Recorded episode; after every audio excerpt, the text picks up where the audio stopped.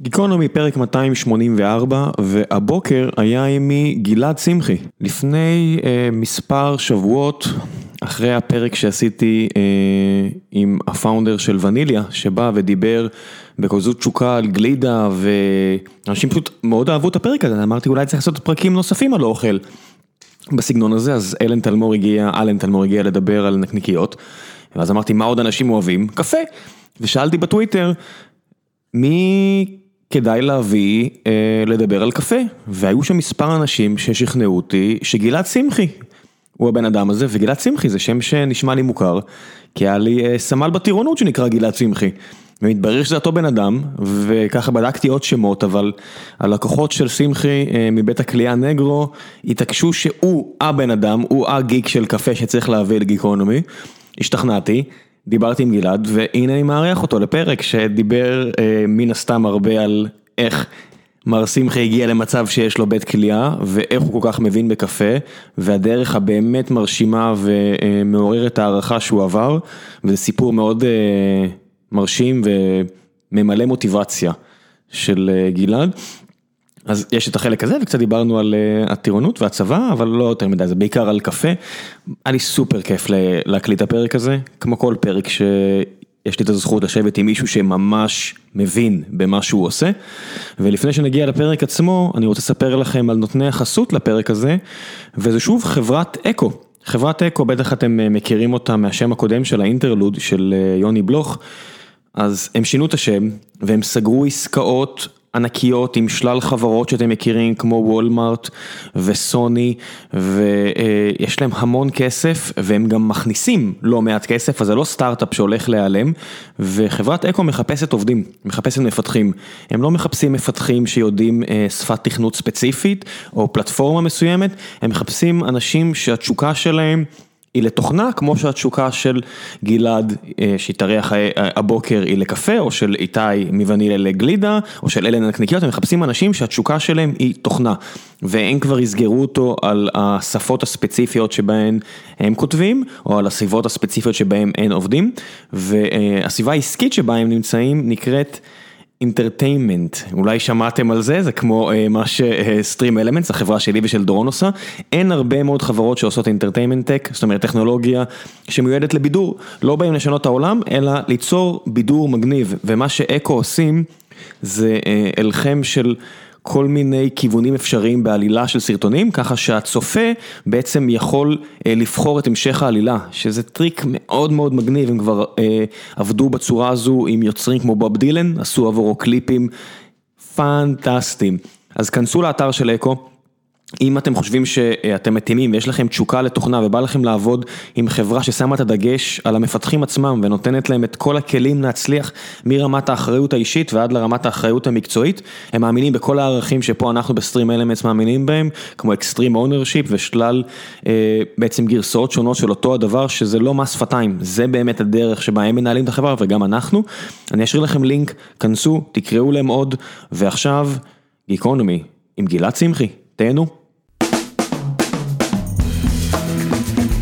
גיקונומי פרק 284 והבוקר נמצא עימי גלעד שמחי שהוא מומחה לקפה אבל לפני שהוא מומחה לקפה הוא רוצה לנקות את השולחן על דברים שקרו לפני 15 שנה במתקן אדם. לא לא יש שתי דברים, שתי דברים, קודם כל שרמן.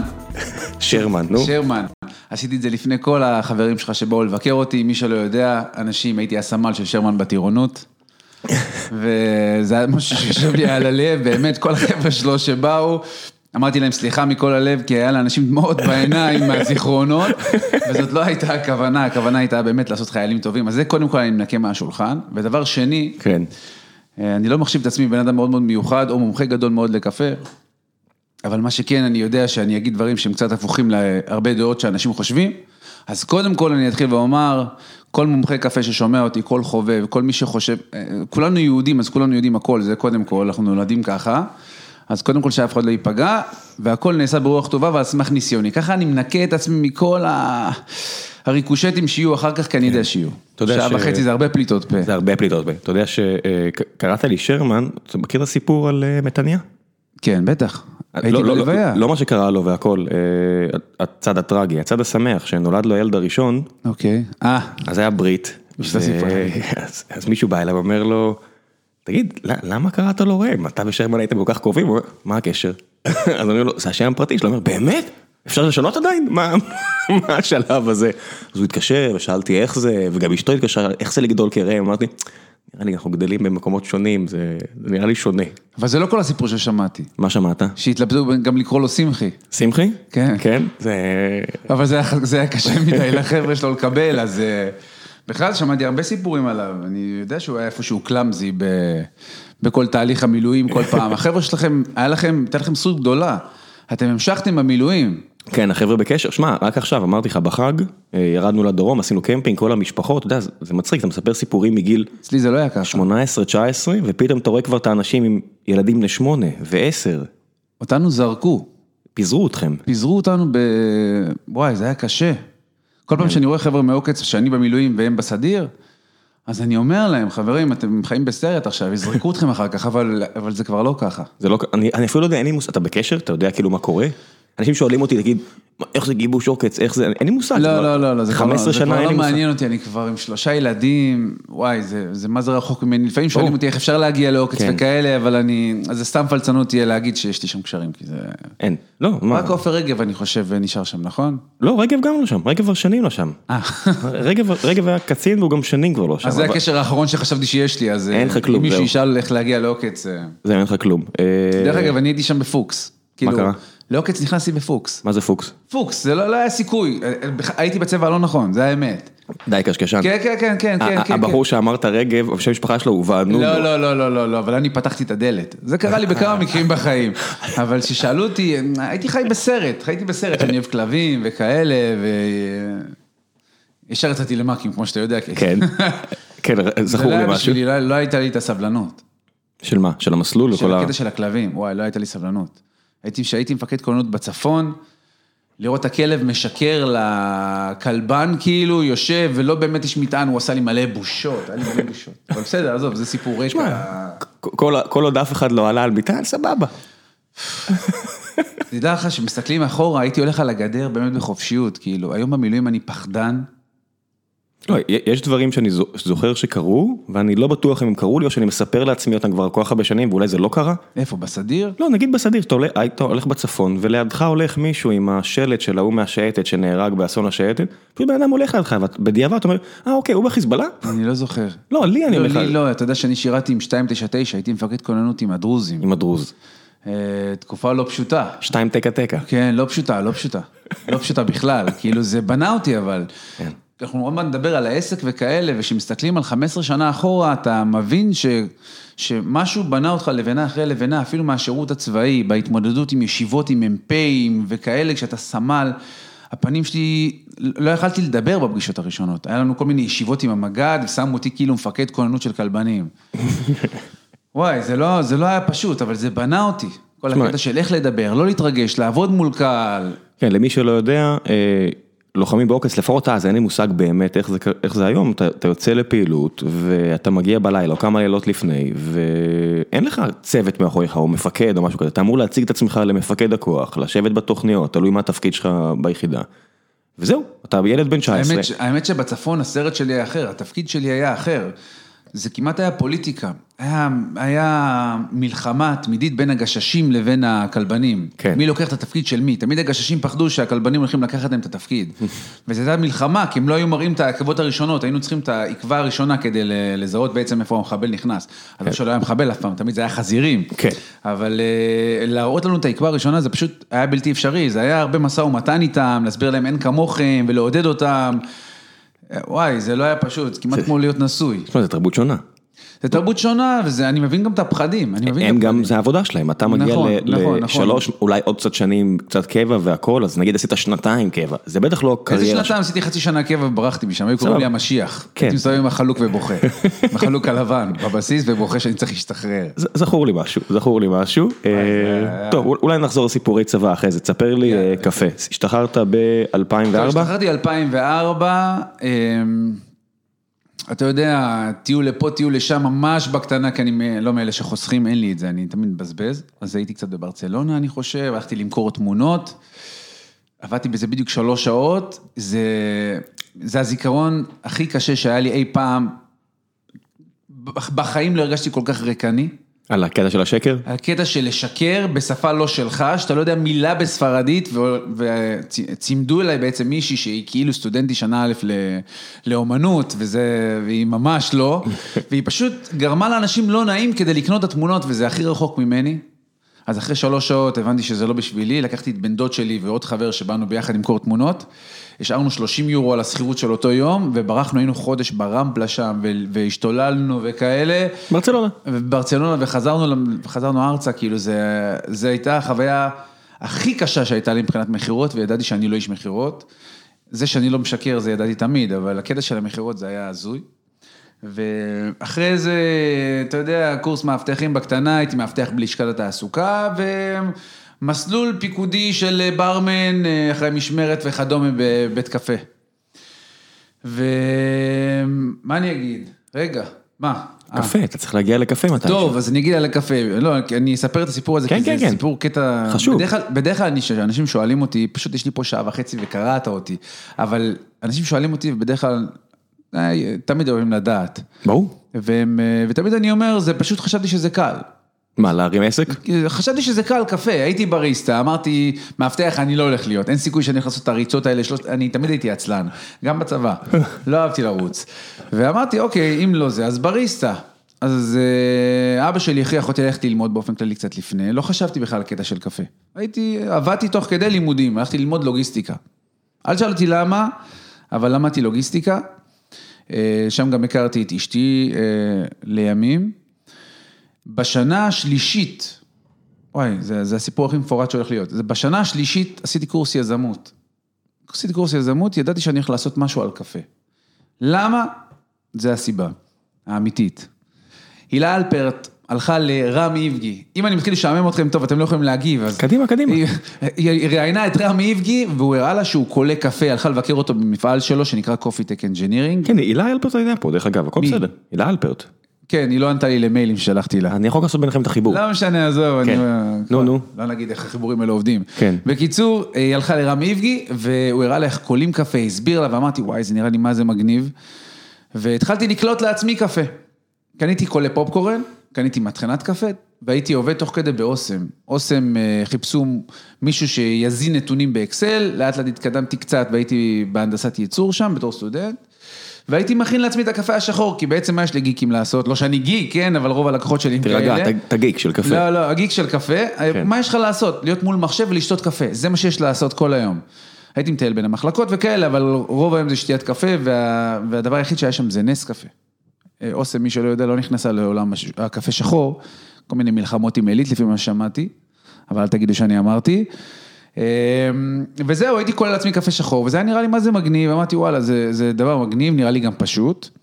ורם איבגי בתוכנית אמר שהוא קולה זהב, וזהב היה נשמע לי משהו מגניב, זה כאילו הרבה כסף, אה, וזה לא היה כזה פשוט. זה לא היה כזה אפילו ב- בהתחלה, לעצמך? לעצמי זה היה פשוט כי, כי דמיינתי שאני עושה משהו טוב. אם מישהו מתחיל היום עם קולי פופקורן, תדע שזה רק תחביב נטו, לא תלמד מזה שום דבר. ממש. עזוב תלמד, אבל יצא מזה קפה טוב? יצא מזה קפה בינוני. בינוני, כל העניין של קליית קפה, תמיד מדברים על חזרתיות, אתה בעצם צריך לדעת מה אתה עושה ולשחזר את זה כל הזמן. הפלצנים אומרים שזה שילוב של אומנות ומדע. כמו שאתה מבין, אני רחוק מזה שנות אור, כל הקטע של הפלצנות, אבל זה באמת אומנות ומדע, כי האומנות זה בעצם ליצור את הדבר הראשוני, והמדע הוא לשחזר אותו כל פעם. וזה תהליך ארוך. קיצור, חכה, למה אתה רץ? מעניין אותי הניסויים הראשונים שלך. וואי, זה היה- הבנת בהתחלה שזה לא קפה טוב או ש... כל החבר'ה שלי במילואים חיים בסרט שבזכותם יש לי את העסק. כי במילואים הייתי מביא את הקולי פופקורן, הייתי מביא קפה ירוק ואת המטחנה, והייתי עושה להם כל פעם קפה שחור. אז הם חיים בסרט שהם היו חלק מהניסויים, כאילו, אה, בזכותנו, נגרו זה בזכותנו, הוא התחיל איתנו. זה לא קשור לזה בכלל, זה היה פשוט שלב, אה, כל הקטע של הניסויים על החבר'ה, אבל לא למדתי קליעה בכלל מקולי פופקורן, זה רק היה התנסות נחמדה. היו לי הרבה התנסויות ולמידות בדרך בעצם, אחת ההתנסויות שהייתי קולה עם הפופקורן, אה, היה לטעום את הקפה. ועל התערובות קפה שהייתי קונה היה רשום אה, ליקריץ, טעם טבק, אה, משולב וניל, תרגיש נגיעות של סוכריות קופצות בסוף. וכשאתה בא ושותה את הקפה, זה היה לך או קצת מריר, או קצת מתקתק, או קצת תבליני, אתה יודע, המנעד היה הרבה פחות רחב ממה שהוצהר על השקית, כאילו. וזה גרם לי לחשוב הרבה מאוד, וכשלקחתי את המכונת קפה, עוד מעט אני אסביר איך, איך, איך הגיעה אליי המכונת קפה המסתורית הזאת, לקחתי אותה ל, ל, למישהו שמבין בקפה. אמרתי לו, תקשיב, רשום לי על התערובת קפה שאתה, שאני קונה ממך, ליקריץ, טבק, זה, תגיד לי מה אתה מרגיש. מה אתה מרגיש? עזוב אותי, אני לא מבין. תגיד לי מה אתה מרגיש, הנה הכלייה שלי, הנה המכונה שלי. תכין קפה, תגיד לי מה אתה מרגיש. והוא לקח את הקפה ו, ומזג, כאילו, הכין כוס אספרסו, שתה קצת, הרים את הראש ואת העיניים למעלה, ואמר, תראה, אני מרגיש פה נגיעות של מוקה, טבק, אה, קצת אה, אה, יין, ואז הבנתי שכל הקטע הזה זה חרטא אחת גדולה. ממש ככה כאילו, אני הכי רחוק מזה, יש טעמים בסיסיים, תבליניים נקרא לזה, ייני אולי קצת פירותי, אבל בחיים לא הרגשתי מנגו בקפה, אין דבר כזה.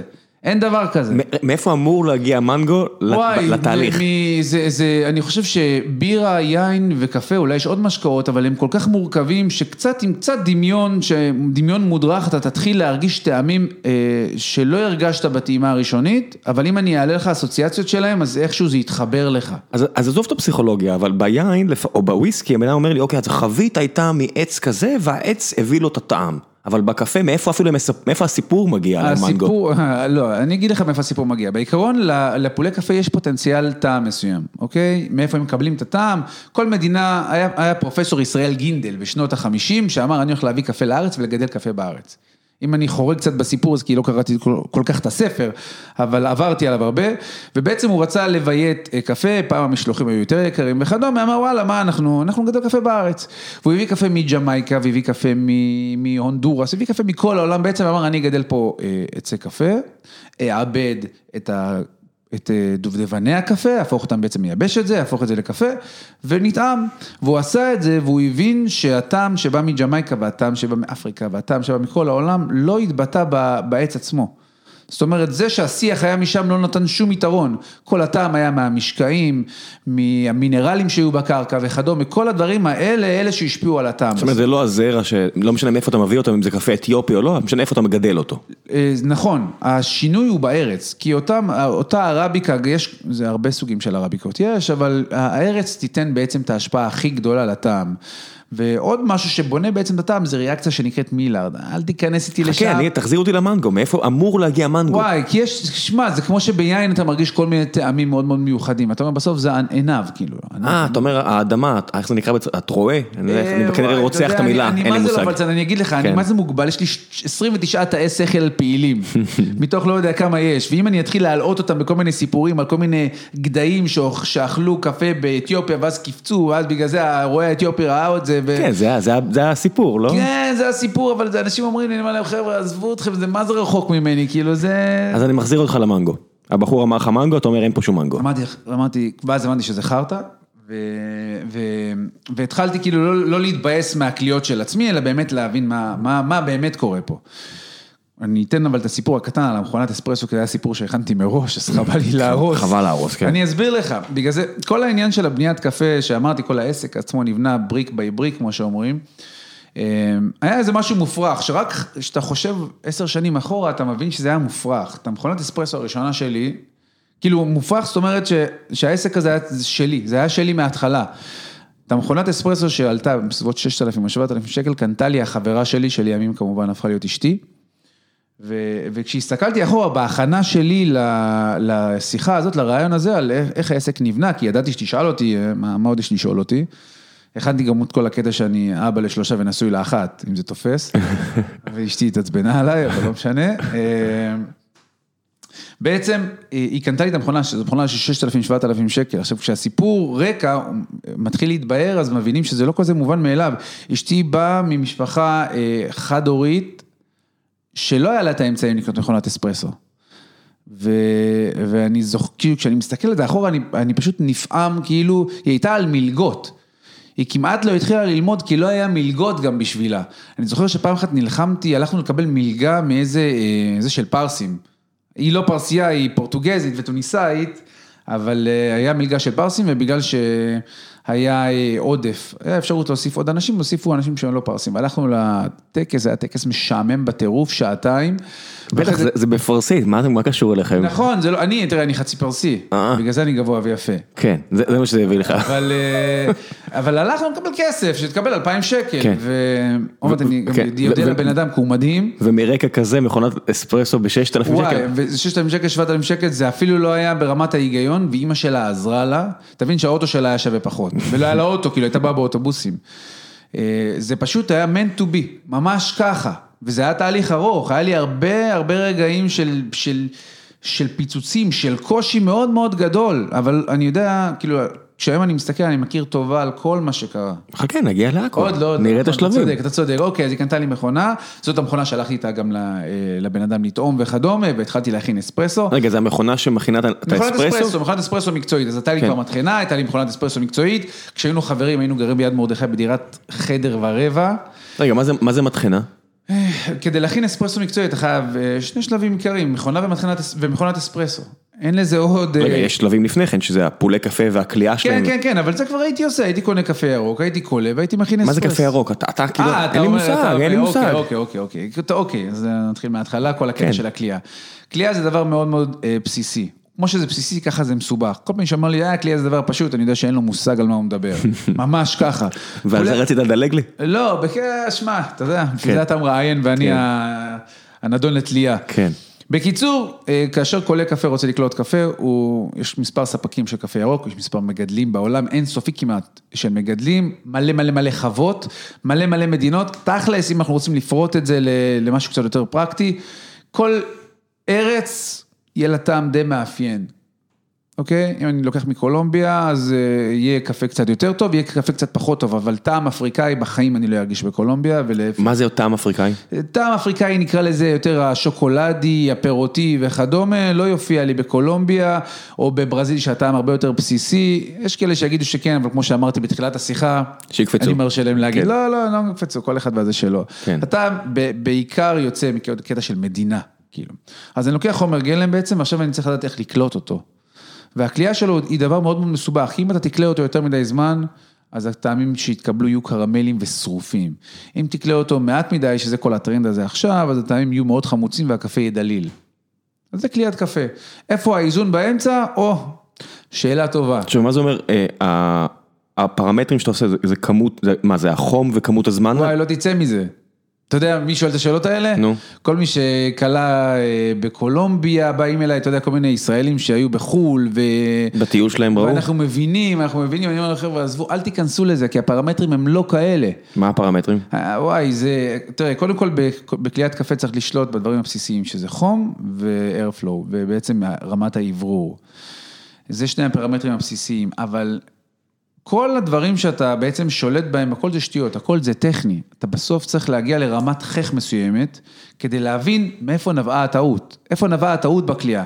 כשהתחלתי לקלוט, והתחלתי את כל הניסויים שלי בקולה שקניתי, אחר כך תמיד אנחנו חוזרים אחורה, אחר כך אני אסביר איך קניתי אותו, אבל בעצם אתה טועם אספרסו ועכשיו אתה צריך לנסות לפרק את מה שטעמת ולהגיד אוקיי, האם הטעם הזה נבע מחליטה לא נכונה או מכלייה לא נכונה? וזה קושי אדיר, כל מי שבא אליי ואומר, שמע, אני רוצה ללמוד לקלוט קפה, אני אומר להם, אוקיי, קודם כל אני לא מלמד. דבר שני, תתחיל לשתות אספרסו כל יום, פעמיים, שלוש, כדי שהחך שלך יתרגל. ברגע שהוא יתרגל לכל הניואנסים של הטעם, ואתה תדע איך הקפה אמור להרגיש ביום הראשון והשני, איך הוא אמור להרגיש ביום העשירי, איך הוא אמור להרגיש ביום העשרים והשלושים, זה הקודם כל. אחרי זה תנסה לפרוט איך אתה משנה את זה, או בכלייה או בחליטה. אה, וכאן באה לידי ביטוי המכונה, כי אם המכונה לא טובה, אז היא לא אחידה, ואז אתה- זה משפיע לך על שאר התהליך. בעיקר באספרסו, כי יש לך עוד אלמנט בעצם של הכנה במכונה, לעומת קפה שחור. קפה שחור, טחנת אותו דק, הכנת, טעם, טעם, אתה יכול לתקן רק את הכלייה, כי נכון, ההכנה כי היא די בסיסית. המים החמים וערבוב תמיד עם אותו דבר. באספרסו זה שונה לגמרי, יש המון המון המון השפעה לצורת ההכנה שלך, לאיזה עובי טחנת, כמות הקפה בידית. זה דרש ממני להיכנס לעומקים שלא תכננתי, אני תכננתי בכלל למכור קפה שחור. אבל השוק הכריח לי אחרת פשוט, הוא, השוק אמר לי, שמע, תקשיב, ככה שלוש שנים להתחיל למכור קפה שחור, זה בערך מה שלקח לי. שנתיים ראשונות בכלל רק להבין איך לקלוט. אז חכה, אז אני מחזיר אותך אחורה. תחזיר אותי, כן, אני רואה שזה הרבה, אנחנו נחזור הרבה אחורה. לא, מה לעשות, אני- לא, לא, לא, הכל בסדר, אני לא, אתה. המקצוען, אני... עזוב, עזוב אותך, פרטים מעניינים. כמה זמן לוקח? בוא נתחיל מההתחלה. כשאתה מתחיל את התהליך הזה, אתה לא הארנב של אנרג'ייזר? כמה כוסות קפה אתה שותה ביום רק כדי להגיע בך למצב שאתה... כמה קפה אתה יכול לשתות ביום? אז אני אסביר לך, אני אסביר לך. אני אסביר לך איך זה, איך, מה, מה קרה בעצם. ברגע שהבנתי שאני רוצה לקלוט קפה, ככה אני אעשה את הסיפור כבר שיהיה רצף. אמרתי לאבא, אבא, אבא שלי חבר אגד שנים, באמת, אני מעריץ אותו, עובד מאוד מאוד קשה. אמרתי לו, אבא, צריך שאני אעזור בכלכלת הבית? זה סתם היה שאלה מכשילה כמובן, לא התכוונתי לעשות את זה בכל מקרה. והוא אמר לי, לא. אמרתי, אוקיי, אז בוא תעזור לי לבנות עסק, אני רוצה להתעסק בקפה. לא יודע למה חשבתי על זה אפילו, אמרתי, כאילו, זה, זה היה נראה לי קל, זה היה נראה לי פשוט, עבדתי על האקסל, תמיד עד היום, עד היום אני אומר לאנשים, אקסל אוכל הכל. זה אוכל הכל. הכל, הכל, זה- זה- המספרים זה נכון יפים, בקפה וזה וזה- נכון בסטארט-אפים. וואי וואי, אוכל הכל. כן. כל מי שמתעסק איתי ומראה לי אקסל, אני אומר חבר'ה, עזבו, זה, זה, זה סתם. בוא נצא לדרך ונראה. כן, כן, כן, כן. בקיצור, אה, אמרתי לאבא, יאללה, בוא, ואבא שלי כחצי תימני, כמושרש בו, אמר לי, שמע, לפני שאני אקנה, בוא נבנה קולה קפה, עזוב אותך, אני קצת מסגיר, אני מבין, אני, יש לי ידיים, בוא נבנה. אז בנינו אה, את החביתוש הראשון, יש חביתוש שנמכר היום, אבל החביתוש הראשון מבחינתי, זה היה הקולה קפה שבנינו. בנינו ממכונת כביסה, קולה קפה. ממש ככה, מכונת כביסה, שמתי לו פרובים, כאילו פירקנו את הכל, שמתי גז למטה ונראה לי שבזבזתי איזה 3,000-4,000 שקל בפולי קפה, עד שהבנתי שזה, אין סיכוי שאני מוציא מזה קפה נורמלי. כאילו מה מה הפעולה שצריכה להיות? הוא אמור פשוט להסתובב? לערבל וגז מלמטה. הבנתי. זה הרעיון הבסיסי. אבל הרעיון מסתבך, אם אין לך אוורור, יותר מדי לחות בפנים, תגרום לזה, וואי, לא ניכנס לזה, אולי, אולי בהמשך לכל הקטע של מה ההשפעה של כל דבר. אבל הבנו שצריך לקנות קולה קפה, הלכנו לרם איבגי, זה שראיתי אותו בכתבה, ואמרתי לו, אוקיי, רם, אני רוצה קולה קפה. אה, ישבנו עם אבא שלי, אבא שלי קצת התמקח וכדומה, דיברנו על פולים, דיברנו על זה, אז רם איבגי אמר, אני פשוט זוכר את זה עד היום, זה, זה עוד, אחת, עוד אחד מאבני הדרך. שהוא אמר לאבא שלי, עזוב, תקשיב, הבן אדם, הילד נראה מדען, עזוב אותו, תגיד לו, שיקנה, יש פה תערובות קפה market proof, בעצם תערובות קפה ירוק שהוא בונה ומכין, ושימכור אותם, עזוב, שיהיה סוחר, שלא יהיה מדען. וזה זה לא היה בא בחשבון מבחינתי, כאילו, אני ידעתי שאני רוצה לדעת את כל שלב התהליך. וקנינו קולי קפה, והתחלתי לקלוט. ולא הייתי מרוצה מהטעם. הבעיה הכי גדולה, כשמסתכלים אחורה, פשוט לא היה לי למה להשוות אפילו. מאיפה ידעת מה זה אספרסו טוב? לא כאילו? ידעתי, לא ידעתי. אז מה זה אומר לא מרוצה מהטעם? לא מרוצה מהטעם, פשוט לא אהבתי. כל העסק הזה נבנה על הטעם שלי. לפעמים אנשים אומרים לי, מה, קבוצת מיקוד? אני אומר להם, חברים, אין קבוצת מיקוד. טעים לי, אני מוכר, לא טעים לי, אני לא מוכר. זה ככה, זה נבנה רק על בסיס הטעם שלי. ידעת להסביר למה זה לא טעים? זאת אומרת, לא. אני לא יודע להסביר לא. למה קפה טוב או לא טוב. לא, לא. 1-0, טעים לא טעים. 1-0, טעים לא טעים, בדיוק. היום אנשים שאומרים לי, אני רוצה לקלוט בבית, אני אומר להם, תקשיבו חבר'ה, קחו קפה שאתם אוהבים קלוי, וקחו אותו דבר ירוק ותנסו להגיע לטעם. לי לא היה את זה. ירוק, עד עכשיו לא שאלתי, ירוק זה חומר גלם, זה חומר גלם, לא אוקיי. לא ירוק תל אביב, ירוק זה חומר גלם. אל תהיה אה, ככה. לא, בסדר. תל אביבי, גדלתי בבאר שבע, ירוק זה גם פה וגם שם. עזוב, נו, כן. אתה באר שבע, בסדר, כן. לא משנה. בקיצור, איפה הייתי? קלית את הקפה, הלכת לרם איבגי, הביא לך לא מדען, נכון, אה, קנינו כולל, לא הייתי מרוצה מהטעם, לא הייתי מרוצה מתהליך הכלייה. זה נראה פשוט, כאילו, אבל לא היה לי שקל על הכיס, אשתי הייתה בהיריון כבר, לא היה לי שקל, באמת, אני מדבר איתך על שקל. ואמרתי, אוקיי, אני חותך את הקולה, אני כאילו מתחיל לשנות אותו לפי הרצונות שלי בעצם. הכלייה ארוכה מדי נראה לי, אל תשאל אותי למה, אני אפילו לא יודע למה עשיתי את זה. החלפתי את הגיר מאחורה, היה לי שם איזה בעיות בערובה, שיניתי, חתכתי, וזה קולה של 20 אלף שקל כשאין לך שקל, כאילו. חתכת, אני מתכוון, אתה מרתך את זה, חתכתי, חתכתי עם דיסק, לקחתי דיסק, חתכתי, החלפתי מאחורה את הגיר למשהו, חתכתי, ממש ככה, זה היה כאילו, אה, הייתה דרך חז- חזרה, אבל זה לא היה משהו מובן מאליו בכלל, כאילו, כי זה לא, כולל- זה לא נשמע מובן מאליו. לא, לא, זה לא מובן מאליו. שוב, בגלל, כשאני מסתכל אחורה, זה כאילו, זה היה כאילו כמעט הזוי, וגם לא היה לי מה להשוות. עכשיו, תבין, לא ידעתי גם להכין אספרסו. חשבתי שידעתי, באמת לא ידעתי, לא ידעתי את המשתנים, לא ידעתי מה קורה עם מזליגה איטית, עם מזליגה מהירה, מה ההשפעה על הטעם, האם בכלל אני קולה נורמלי, שאני בכלל תואם מה שאני עושה, ואמור לצאת לי טעם מסוים. ומישהו מישהו איתך? זאת אומרת, אשתך שבהיריון, קפה זה לא הדבר שאתה יכול אשתי, להגזים אשתי איתו? הייתה בהיריון, אה, והייתה כבר, היא הייתה סטודנטית תואר שני להוראת מתמטיקה, עד היום היא בוכה על זה. מישהו מישהו שותה איתך את הקפה הזה? לא. אתה לבד. לא, ואנשים אומרים לי, למה שתית הרבה קפה? הייתי אומר להם, הייתי שותה שבע, שמונה, תשע, עשר כוסות ביום. אנשים אומרים לי, בסדר, יכלת רק לטעום, אבל אמרתי להם, כל פעם חשבתי שזאת הכוס האחרונה, אמרתי, וואי, יצא יפה, אני שותה את זה. וכל פעם זה לא היה טעים, אז כל פעם הייתה עוד כוס, ועוד כוס, ועוד כוס. וזה אותו זן כל הזמן? זה, הייתי עושה כל פעם ניסיונות, אבל צריך להישאר על אותו זן כדי לבחון אותו. הרעיון היה בהתחלה בעצם לקלוט זן אחד, ו- ולהגיע לרמת כליאה בסיסית איתו. ואז להשליך מזה על זנים אחרים. אי אפשר לערבב, נכון? אה, אפשר לערבב, יש אנשים שעושים בלנדים לפני כליאה, ויש אנשים שעושים בלנדים אחרי כליאה. מה זה בלנד, איך יכול להיות שזנים ממקומות שונים, התהליך כליאה יהיה זה? זאת אומרת, שתערבב את שניהם בכליאה. שאלה טובה, שאלה טובה. אפשר לעשות את זה, יש כאלה שיגידו שאפשר לעשות את זה עם כל קפה, זכותם, אבל אפשר לעשות את זה רק אם בסופו של דבר, כאשר תקלה כל דבר בנפרד, הכלייה תהיה זהה, אתה יודע שמראש אתה יכול לערבב אותם. זאת אומרת, אם הם באו מאותם גבהים, פלוס מינוס אותם אזורים וכדומה, אז נשווה כמו שתי חתיכות בשר שהם פלוס מינוס, פלוס מינוס אותו עובי ואותו גודל, אז אתה יודע שאתה יכול כן, לשים. אותם בערך ביחד, אפילו אם הם לא אותו דבר. כן. אה, אבל ב... אבל בתחילת הדרך עשית רק זן אחד? זן אחד. איזה זן זה גם היה? היום כמעט אני עושה רק זן אחד. איזה כאילו, זן? מספר זנים, אבל הקליעות הן חד זנים. איזה איזה זן זה היה אני בהתחלה? חושב שזה היה ברזיל או קולומביה, אני לא ממש זוכר, אבל זה לא היה כזה משנה, כי לא הצלחתי להגיע לשום מקום. לא, זה, זה לקח שנתיים להגיע לטכניקת כליאה בסיסית. רגע, בזמן הזה, רק תן לי נקודת יחוס, בזמן הזה אם אתה מסתובב בארץ, אתה היית בריסטה הרי, שתית קפה הייתי לפני בריסטה כן. קצת. בסדר, נחשפת לקפה, היית בקפה, זאת אומרת שנחשפת לקפה. הקפה שתית במקומות אחרים בארץ, הוא טוב? לטעמי לא. אבל אוקיי, אתה- אז זה מה ש... לא, אבל- זה מה שרציתי לשאול, זאת אומרת, אתה מנסה להכין קפה. גם היום, דרך אגב, בלי להעליב, כן, אה, כמובן שיש קולי קפה מדהימים וכדומה, אבל רוב הבתי קפה משתמשים, לצערי, בקפה, בבריסטה לא מיומן, במכונה לא מקוונת, זה ברוב המקרים, ובדרך כלל בקפה ישן, עם טעים ומוכרים באהבה, אבל אפשר להגיע אז חכה, תכף נדבר על כמה זמן בכלל קפה אמור להיות, אוקיי. ופשוט מעניין אותי הנקודה הזאת שאתה מחפש קפה טוב, אולי פשוט אתה לא לא אוהב קפה ואין קפה טוב, אתה מבין, חשבת על זה? תראה, היה שלב מסוים שב- שרציתי לוותר. לא, אבל אני אומר, מהבחינה הזאת, אולי אתה פשוט אומר, אולי אין, אין דבר כזה קפה שאני אוהב. היה איפשהו שטעמת, אמרת, או, זה קפה טוב. אספרסו לא. לא. אהבתי אספרסו בכלל. גדול. לא- לא אהבתי אספרסו. חיפשת משהו שאין. רציתי בכלל קפה שחור, רציתי קפה שחור, רציתי לבוא, חוכמי שמשתחרר מהצבא, הוא חושב שהוא הולך ל... להיכנס בדלת האחורית ולעשות קפה שחור, כשכולם נלחמים על שוק האספרסו, אני אעשה קפה שחור. מה, לא. לאוכלוסיית, אה, לאוכלוסיית בכלל, הפקל קפה? אמרתי, וואי, אני כאילו, כולם עושים שתים קפה שחור של עילית וכאלה וזה, ואני אעשה קפה, וואי, מדהים, ואפתיע את כולם, שכולם נלחמים על האספרסו ועל שוק האספרסו, אני אבוא ואני אעשה קפה שחור מגניב, זה לא עבד. אוקיי. בכלל, כאילו. היה את הרגע שהגעת אחרי שנתיים לקפה הראשון הטעים? אחרי שנתיים הגעתי לקפה סביר, בדיעבד, מזל שלא מכרתי למה? יותר מדי, כי זה לא היה מוצר כמו שצריך, זה לא היה מוצר גם מספק. אחרי שנתיים? גם אחרי שנתיים. אתה מבין, השנתיים האלה זה לא, זה היה לי, היה לי, השנתיים האלה לא היו יאללה מקימים עסק ומוכרים, לא, זה היה שנתיים שהייתי עובד במקביל, הייתי עובד עם דוד שלי שהוא קבלן בשופרסל.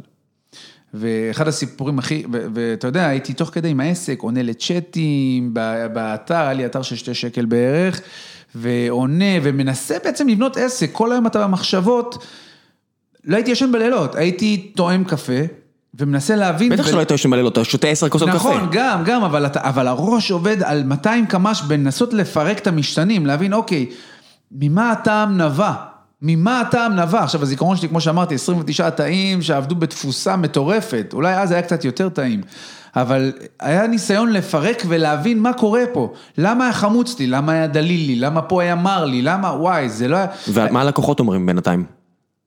לא היה לקוחות בכלל. מה, אבל... אה, לא היה לקוחות, מישהו לא דיבר איתך. באתר, מישהו דיבר איתך באתר. צ'אטים, שאלו, שאלו שאלות, שאלו זה. אף אחד לא קנה? לא, לא. אפילו לא לקוח אחד? תראה, בשנתיים הראשונים אפילו לא היה לי אתר, רק אחרי שנתיים ומשהו רק הקמתי אתר. בסדר, מתישהו אבל אמרת קפה סביר והקמת נכון, אתר, התחלתי. מה- מתחיל- אתה מתחיל למכור את השקית הראשונה. זה התחיל להתגלגל אה, כאשר מישהו מפורום קפה, בשם מוטי, אה, פנה אליי ואמר לי, שמע גלעד, אני אה, רוצה להמליץ עליך ואני חייב לטעום.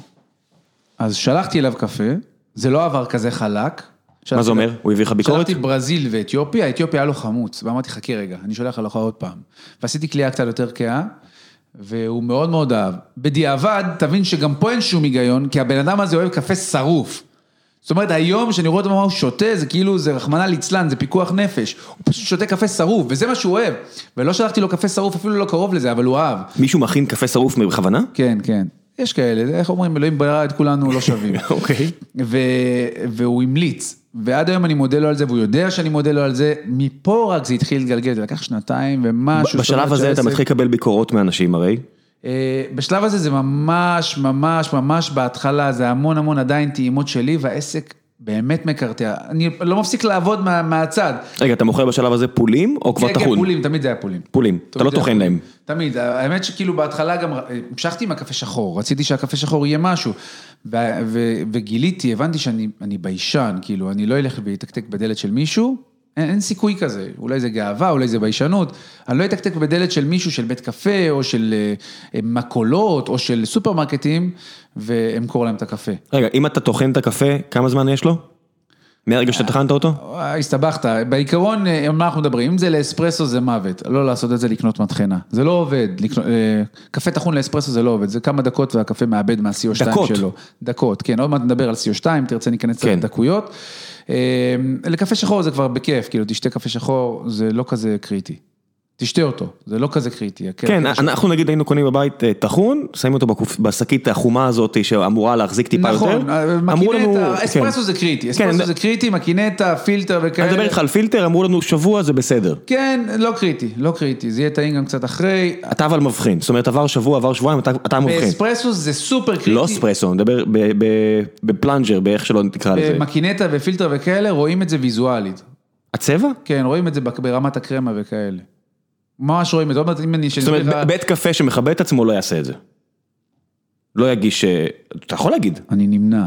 מה נמנע? לא לא ציינו שמות אפילו, אמרנו בתיאוריה, בית קפה שמכבד את עצמו לא לא יטחן ויגיש לך קפה שהוא לא עכשיו טחון. עוד מעט נדבר על אה, אורח חייו של קפה בעצם, ואז נבין כאילו מה קורה בבתי קפה, וגם נבין גם את הסיבה למה זה עדיין עובד. כן. אבל אל תקטע אותי, רגע, הייתי באמצע... אל תקטע אותי, אתה לא יודע איפה הגעת. הרגת אותי. לא לא, אל תקטע אותי. אה, חזרנו, פולי קפה, מוטי, התחלת למכור, אה, מוטי השרוף. אז תקשיב, הייתי חי בסרט, באמת חי בסרט. אמרתי, אוקיי, אני רוצה למכור למכולות וכאלה, מישהו אמר לי, תקשיב, אורגני זה הקטע, לך תמכור אורגני. אמרתי, יאללה, אתה יודע מה אורגני? מה זה אורגני בקפה? אורגני, קונים קפה אורגני, שיש לו certificate, בעצם אה, רישיון שהוא אה, גודל בלי ריסוסים וכאלה, עזוב שזה, אני לא מאמין בזה בכלל. זה מה שבאתי לשאול אותך. כן, כי רוב האנשים שמגדלים קפה, כאילו הרבה מהם, הם יעשו אורגני, אבל לא ישלמו על הרישיון, כאילו. זה פשוט ככה. מה הם צריכים את השטויות האלה? כן, זה גם מדינות שאני לא סומך עליהן.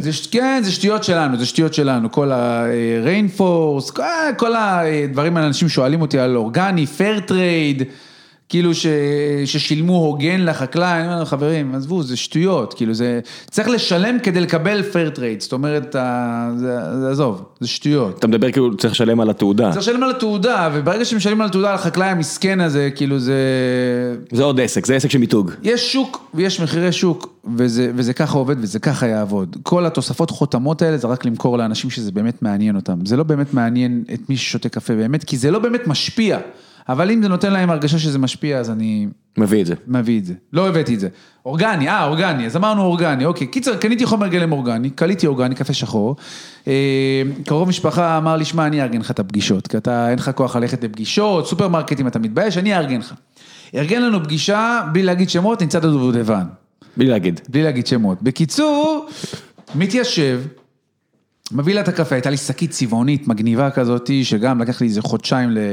עד היום הן יושבות לי, דרך אגב, על ה-16 או 17 אלף שקיות של 100 גרם, יושבות לי ריקות על המדף, כי הייתי חי בסרט. אמרתי לך, אקסל- אקסל אוכל הכל. כן. בקיצור, הלכתי, הראיתי לה שקית עם מדבקה יפה של אורגני, קפה שחור אורגני, עם ברקוד כזה מאחורה, כמו ש... איך, איך שנראית שקית בסופרמרקט, היא אומרת לי, אוקיי, מי אתה? אמרתי, אני נגרו, אני זה, אני קולה קפה, בוטיק, ורציתי למכור לכם את הקפה.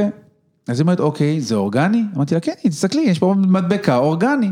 אמרתי, איך זה אורגני? אמרתי, אני קונה חומר גלם אורגני, קולה אותו, הוא אורגני. אין מדבירים בדרך. כן, אין אין עוד מה, אין עוד תהליך, כאילו, אמרתי, לא, לא, לא, לא, לא, לא, לא, זה לא עובד ככה.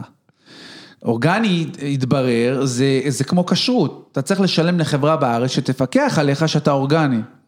שמה היא מפקחת שאתה לא עושה? שאני לא שם חומר גלם לא אורגני בקפה אורגני. מדהים, אה? להפריד את החומר גלם בינינו, שטויות. אבל לא משנה, מי שאוהב את זה, איך אומרים? בכיף. יש כשרות בקפה? אה, קפה לא צריך כשרות, סוף סוף אני אומר את זה, ועוד מעט אני אספר את הסיפור על הכשרות, אבל אה, קפה לא צריך לא, כשרות. כי אתה יודע, היה פה כל מיני, היה פה נגיד החבר'ה של שוקולד פנדה, שניסו לעשות שוקולד בוטיק, וכמות החרא שהכילו אותם מכל כיוון. נכון, יש כמות חרא מכולם, כשרות, קפה לא צריך, בגלל שהוא נקלע מעל טמפרטורה מסוימת, ואין אה, כל הקטע של הפרשות וכאלה, זה גדל בחו"ל על ידי גויים, משהו כזה, קפה לא צריך כשרות, והרב של אוסם, כשעבדתי שם, סיכם לי את זה במשפט, הוא אמר לי, קפה שותים גם אצל ערבים. אז... אה, הם, כאילו יהודי מאמין, יהודי חרדי יכול לשתות אצל ערבי. שותה, שותה, כן. אבל השאלה היא, יהודי בא אליך עכשיו עם כיפה ואומר לך, תראה לי תעודה. יש לי, יש לי, לא, הוא לא מבקש תעודה, אני אומר לו, קפה לא צריך כשרות. הבעיה היא באלה שמתנדנדים, אלה שלא כאלה מבינים, כי רבנים נגיד וכאלה שדתיים או חרדים שקונים אצלי, הם יודעים, קפה לא צריך כשרות. אבל אלה שבתווך, כאילו שלא כזה בטוחים, מחפשים את הכשרות כדי בעצם... כן, שמע, אבל הם צודקים, זה די חדש, אתה יודע, כל העניין הזה של קפה הוא כולה 200-300 שנה אני בווינה שם, אני אני יודע. אגיד לך, אתה תזכור איפה היינו בנקודה האחרונה, כדי אני להזכיר, אבל. היה לי כשרות, הייתה לי כשרות, הייתי עושה, היה לי שלוש שנים כשרות, הייתי משלם את האגרה. כל פעם, עד שהגיע משגיח חדש. הצטרף לשולחן המשגיחים משגיח חדש. וזה פשוט, הכמות שהייתי משלם פשוט לא הספיקה. זה פשוט ככה, הוא אמר לי את זה, כאילו. והוא העלה לי מ-1200 שקל לשנה ל... הוא עשה לי הנחה במקום 750 מה זה בחודש. הנחה? מה זה- מה זה לא קרטל? מה זה- אה, אה, תראה, איפה שיש שטחים אפורים יש שחיתות. אין מה לעשות. אני אפילו לא חושב שזה שחיתות, אני חושב שזה פשוט, כל אחד עושה מה שבא לו. נכון, אה, זה שטחים אפורים, בדיוק ככה, בגלל זה הפסקתי עם הכשרות. ממש ככה. וזה לא, זה לא הפריע, זה לא מפריע לך. זאת אומרת, כי אתה... יכול להיות שזה מפריע, אבל אם לקוח שואל, אז אני אומר לו שאני לא עובד בשבת. וגם אני, אני זה שקולה, אז כל הקטע של ההדלקת אש על ידי גוי וכאלה. אתה, זה- אתה דואג אני- לזה. אני הכל, אני כן. אני אורז, אני חותך, אני שואל, אני שירות אה, לקוחות, אנשים מתקשרים, שלום נגרו, הגענו אליכם, מזה אני אומר לה, אין אליכם, אני היחיד שיענה, אני היחיד שפה, אל תדאגו. כי לפעמים מסיימים איתי שיחה, אומרים, עם מי דיברתי? אני אומר להם, גלעד, היחיד שיענה. אז אה, כן, כל הסיפור של נגו זה אחד. אוקיי, אז חזרתי לכשרות, מוטי ממליץ עליך. מוטי ממליץ, ושוב, הגעתי לצד דובדבן אמרתי, והקטע של האורגני, והתחילה לי, כמעט צחקקה לי בפרצוף עם כל הקטע של החוסר ידע שלי, ואז היא מסתכלת אחורה, היא אומרת לי, אוקיי, יש פה ברקוד מאחורה, זה ברקוד שלך? אמרתי לה, כן, קניתי מכונת ברקודים, קניתי מדבקות, הדפסתי ברקוד. אמרתי, לא, לא, לא, לא, לא, יש איגוד הברקוד הישראלי, אתה צריך לקנות ברקודים. עכשיו, לא היה לי שקל, אתה מבין שלבזבז אלפיים משהו שקל לקנות 100 ברקודים, זה, זה, זה הזוי. רגע, לא- רגע, רגע, מה זה אומר 100 ברקודים? אתה 2,000 קונה? 100 מספרים. אבל זה מספיק לך ל-20 שקיות? זה מספיק לי, לא, זה מספיק לי ל-100 סוגי מוצרים. 100 סוגי מוצרים. עכשיו היה לי שני סוגי קפה שחור, אבל אתה קונה כבר ל-100. ו... ויצאתי משם כאילו חבוט, כאילו החזירו אותי 30 קילומטר אחורה בצעד צעד הזה שאני עושה מדי יום, כי פתאום אתה מבין שאתה נכנס לשוק שאין לך מושג על מה אתה מדבר בכלל, כאילו אתה...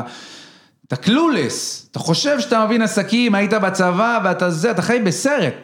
הרבה פעמים אני אומר את זה גם חיילים, אתם תצאו לאזרחות, אתם תקבלו סטירה לפרצוף, כי אתם חיים בסרט שאתם מבינים משהו, מזה שה, שבבוקר המ"כ אמר לכם לקום ועשיתם איזה סיור, שאתם אחראי גזרה, שאתם מבינים משהו, אתם לא כלום, מבינים כלום. כלום, כלום.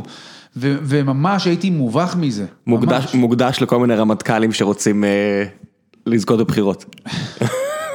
בכל אופן, כן, בסוף אני יודע, יודע. המציאות טופחת בפנים של כולנו. כן, אז, אז רגע, הבחור, כעסת עליהם על ניצת הדודבן? לא כעסתי, אבל זה החזיר אותי, נקרא לזה, לאקסל. זה החזיר אותי לאקסל, כאילו. כי פתאום נכנס לך כל מיני מרכיבים שלא פתאום אתה מבין בכלל את חשבת. המשמעות של העלויות, זה אישור יצרן, מה זה אישור יצרן בכלל? מה היא רצתה שכאילו יהיה לי אישור? משרד הבריאות מתערב איפשהו? מותר לך משרד הבריאות, לקלוט? כשהתחלתי להתעסק בקפה, אז אמרו לי, אמנם זה לא טוב להיכנס לנקודות האלה, אבל משרד... לא? לא, לא, הכל בסדר. משרד הבריאות אמרו לי, אה, כל עוד אתה קטן, אה, איך אה, רם איבגי אמר לי? בלי שמות. הוא אמר לי, כל עוד אתה לא- לא מוכר למשרד הביטחון, עזוב אותך שטויות. אז... אה, אבל זה לא, ש- טוב, אתה לא יכול, לא, אתה- אין אתה פה קפה עניין, בוטיק, אתה קפה- לא הולך למכור לצה"ל. קפה, הוא, מוצר מאוד מאוד מאוד אה, נוח בקטע של אה, בריאות, כי. אין סיכוי להרעלה ואין סיכוי לכלום, הוא לא מתקלקל. לא, בגלל החום. מה, כל הקטע של הכלייה? כן, אתה הורג כל דבר שמגיע איתו. נכון, נכון, נכון, אבל אל תשכח שכחומר גלם הוא קודם כל עובר בדיקות, כשהוא מגיע לארץ. אני אומר, גם אם מישהו מפשל במכס, גם אם מישהו מפשל, מנסה כן, להרעיל אותך, הכל. אתה קולט את זה באיזה חום? של כמה? זה מסיים מעל 200 מעלות. מה נשאר? נכון, נכון, נכון, נכון, נכון, אין פה, אין פה שום אלמנט. אז בכשרות דיברו איתי אם אני מוסיף דברים, כי אז זה משנה את הכשרות, אבל אני לא מוסיף כמובן כלום. אפילו שיש כאלה שחושבים, כי אני קורא נגיד לאחד הקפה אתיופיאן שוקולד, כאילו שוקולד אתיופיה, אז חושבים שאני מוסיף דברים, מאיפה הטעם השוקולדי. מהאדמה. כן, מכלייה ומהאדמה. כן. אז איפה היינו? חזרנו לניצת הדובדבן, אתה חוזר אחורה 30 בוא, אני קילומטר. מחזיק לך את הזיכרון פה על אה, את כל תדאג, התאים זה ה- עובדים. זה המשחק. זהו, לבן, סיימתי, בקיצור חזרתי לשולחן לאקסל וכדומה, לבחון איפה אני נמצא, ניסיתי למכור לעוד מקולות וכאלה, והבנתי שזה לא הכיוון, שחור לא הכיוון, כאילו אין לי סיכוי. פשוט ככה, אין לי סיכוי. יש לזה שוק? זאת אומרת, אה, כמה אנשים בארץ לא רוצים את הקפה של... לשחור, ספיישיאליטי, כאילו נקרא לזה ככה, אה, זה שוק מאוד מאוד קשה. כי זה מוצר מאוד מאוד נגיש וקל, זאת אומרת, קונים את זה מהסופר. פולי קפה, פולי קפה של אספרסו, בדרך כלל לא תקנה בסופר. זה לא, זה לא, לא בטבע, לא בתרבות, זה יקנו את זה באינטרנט או בחנויות מתמחות. קפה שחור קונים בסופר. זה היה להיכנס לתוך אה, אוקיינוס של כרישים, ואתה אפילו לא דג, אתה, אתה, אתה מעל המים בכלל, אתה בכלל לא נכנס ל... ל אין לי אפילו תיאור לזה, לא יודע מה חשבתי לעצמי. כן, אוסם ושטראוס וכל החבר'ה אוסם האלה. ושטראוס בעיקרון, שטראוס שולטת בשוק, ולנדבר, ו... והיה אחד אה, שרמי לוי קונה ממנו, לא יודע, לא משנה, בלי שמות, כן? כן. והם שלטו בשוק ביד רמה, ולא הצלחתי. פשוט לא הצלחתי, וחזרתי חזרה, והייתי, והיה שלבים שרציתי להפסיק, אבל הייתי כל כך all in, לא יכלתי להגיד לאבא, כאילו השקעת לי בעסק, עכשיו אני מוותר, אין סיכוי, גם הוא תמיד אומר עליי שאני מוותר. בגלל זה גם הייתי קרבי עד הסוף, כי אמרו לי, בוודאי. אה, אתה תתגייס לקרבי, אתה תפרוש. תפרוש, כן. עם כל הבכי, כאילו לא פרשתי רק מהבושה, שאני אחזור הביתה ויגידו, אה, אמרנו לך, אתה רואה? דרך אגב, בכל שלב בעסק, כל שלב שהייתי, בהתחלה כמובן, היום כבר לא, אבל uh, המשפחה מאוד מאוד מאוד לחצה עליי שאני אפסיק. ברגע שהם הבינו שהקשיים נערמים וכסף נאכל, כאילו, השקעתי איזה 70 אלף שקל עד אז. הלוואות או כסף לא, שלך? לא, לא, אבא. אבל לא הלוואות. לא, לא, לא הלוואות. כאילו לא היה פה איזושהי סכנה שיקחו לך את לא, לא היה הברכיים. פה סכנה, אבל הסכנה היא שתקשיב, סיימת ללמוד, אבא שלי אומר, סיימת ללמוד, ולך תעבוד במה שלמדת. כן, הסכנה היא שאתה לא תיצור כסף חדש, אבל לא היה פה את הסכנה ש- לא, לא, לא היה פה עניין. שהבנק יבוא ויקח את הבית. לא, לא, לא, לא. או לאבא שלך יותר גרוע, אני יודע מה. לא, תבין, כאילו, אני באמת, אני כל כך מכיר טובה לעולם ולאנשים, כשאני מסתכל אחורה, אבא שלי, ההורים שלי קנו לי את כל הדברים לילדה הראשונה, כאילו. זה... לא טריוויאלי. לא, זה לא פשוט, ל... תקשיב, הייתי בן 28. אני אגיד לך איפה, איפה אחת המכות בבטן שחטפתי, זה גם היה הדברים האלה של, של העזרה הזאת, וגם אני זוכר שהייתי, הייתי עובד עם דוד שלי שוב בשופרסל, הייתי מתקין מדפים, שוב, אחרי לימודים, אחרי שלא עשיתי יותר מדי בחיים, קצת אוסם וכאלה. הייתי בהנדסת ייצור שם, כמו שאמרתי, ו, וחזרתי לדוד שלי, כשהייתי עובד איתו לפני הצבא, חזרתי אחרי, ה, אחרי כל המסע הזה בעצם, כשאשתי בהיריון ועובדת בעבודות מפוצלות בבנק הפועלים כשהיא בהיריון, ולא היה לנו יותר מדי, הייתי עובד, ב, ואני זוכר שקדחנו חורים ברצפה, בסופר, לה- להתקין איזה שער כזה, ועבר שם מישהו שהיה בעוקץ, הוא היה חייל שלי, לא טירון, כאילו הוא היה חייל, אה, לא זוכר איך קוראים לו כבר. מה זה, במחזור שלי? לא, לא, לא, לא, לא, הוא היה חייל, כשאני הייתי מפקד בזרית, הוא עלה אליי, כל פעם היו עולים, כל שבוע היו עולים שניים. ו... והוא ראה אותי, והוא כזה, ואני שוכב, ואני על הרצפה, כאילו בקריאה כזה, והוא עומד, הוא אומר לי, תגיד, לא היית בעוקץ? אמרתי לו, כן, הייתי בזרית, הייתי מפקד כוננות שלך. אז הוא אומר לי, וואלה, כזה הסתכל עליי בחצי פרצוף, כאילו... לא תפס עליך תחת. כן, לא הגעת ליותר מדי בחיים. אני רואה שעוקץ זה לא ערובה להצלחה, אז, אה, אז אה, אמרתי לו, מה אתה עושה בחיים? אז הוא אמר לי, אני אגרונום. עובד וזה, נמצא באיזה חברה, משהו כזה, ו, והייתי כאילו ב... זה, זה היה אגרוף בבטן, ממש ככה, כאילו זה היה לעצור הכל ולהבין האם אני ממשיך הלאה או לא. כי זה לא מובן, ילדה בדרך, ואישה שצריך לפרנס, ולחץ מההורים. ואתה קודח חורים ברצפה. ואני קודח חורים ברצפה ומתקין כאילו שער ועוד יום ועוד יום ולתקן העגלות, זה היה מסע נפשי, ממש ככה. כאילו, כי זה, זה ממש המשפט מאיגרא רמא לבירא עמיקתא, זה ממש היה, זה, זה היה הרגע שאתה נמצא במקום הכי נמוך שיכול להיות, וזה לא מתקדם לשום מקום, אני בכלל לא ראיתי את האופק, איך אני בונה מזה עסק. לא היה לי, לא היה לי מושג. מה קורה כשאתה חוזר הביתה מניצת הדובדבן? זאת אומרת, מה היה השלב הבא? אחרי אחרי שהבנת שאתה לא יכול אחרי למכור שהבנתי שאני למכולות? כבר לא מוכר קפה שחור, אחרי שלקחתי איזה, איזה מישהי, חיפשתי שותף. בדרך כלל אנשים היום, כשמדברים איתי ואומרים לי, שמע, אני רוצה לפתוח עסק, אני רוצה לחפש שותף, אני אומר להם, תקשיבו, שותף לא יציל אתכם משום דבר. כל מה שאתם מדמיינים ששותף יוסיף לכם, הוא לא יוסיף לכם. אתם תצטרכו לעבוד באותה מידה, רק לחלק את השכר בשתיים. אולי במקרה שלכם, לא, לא, זה בסדר, זה נכון. אה, ג- גם- שוב, אם אין לו ערך מוסף, אם אין לו בדיוק. ערך מוסף, אם הוא מביא משהו לשולחן בסדר, אבל שלא תחשוב שמישהו יישא בנטל בזה שאתה לא יודע כלום והוא לא יודע כלום, שניכם ביחד לא תדעו כלום. כן. זה, זה כל- מסתכם כל בזה. אחד צריך לסחוב את האלונקה. אז לקחתי מישהי שאמרה לי, שמע, עזוב אותך שותף, כשפרסמתי את זה, היא אמרה לי, אני יועצת עסקית. היא נתנה לי שנה וחצי בערך הסתובבתי עם כל מיני ילדים עשירים שרצו לפתוח בתי קפה, עם כל מיני משקיעים פוטנציאליים, אני זוכר ישבנו עם איזה אחד סמיון אחד שהסביר איך הוא הצליח.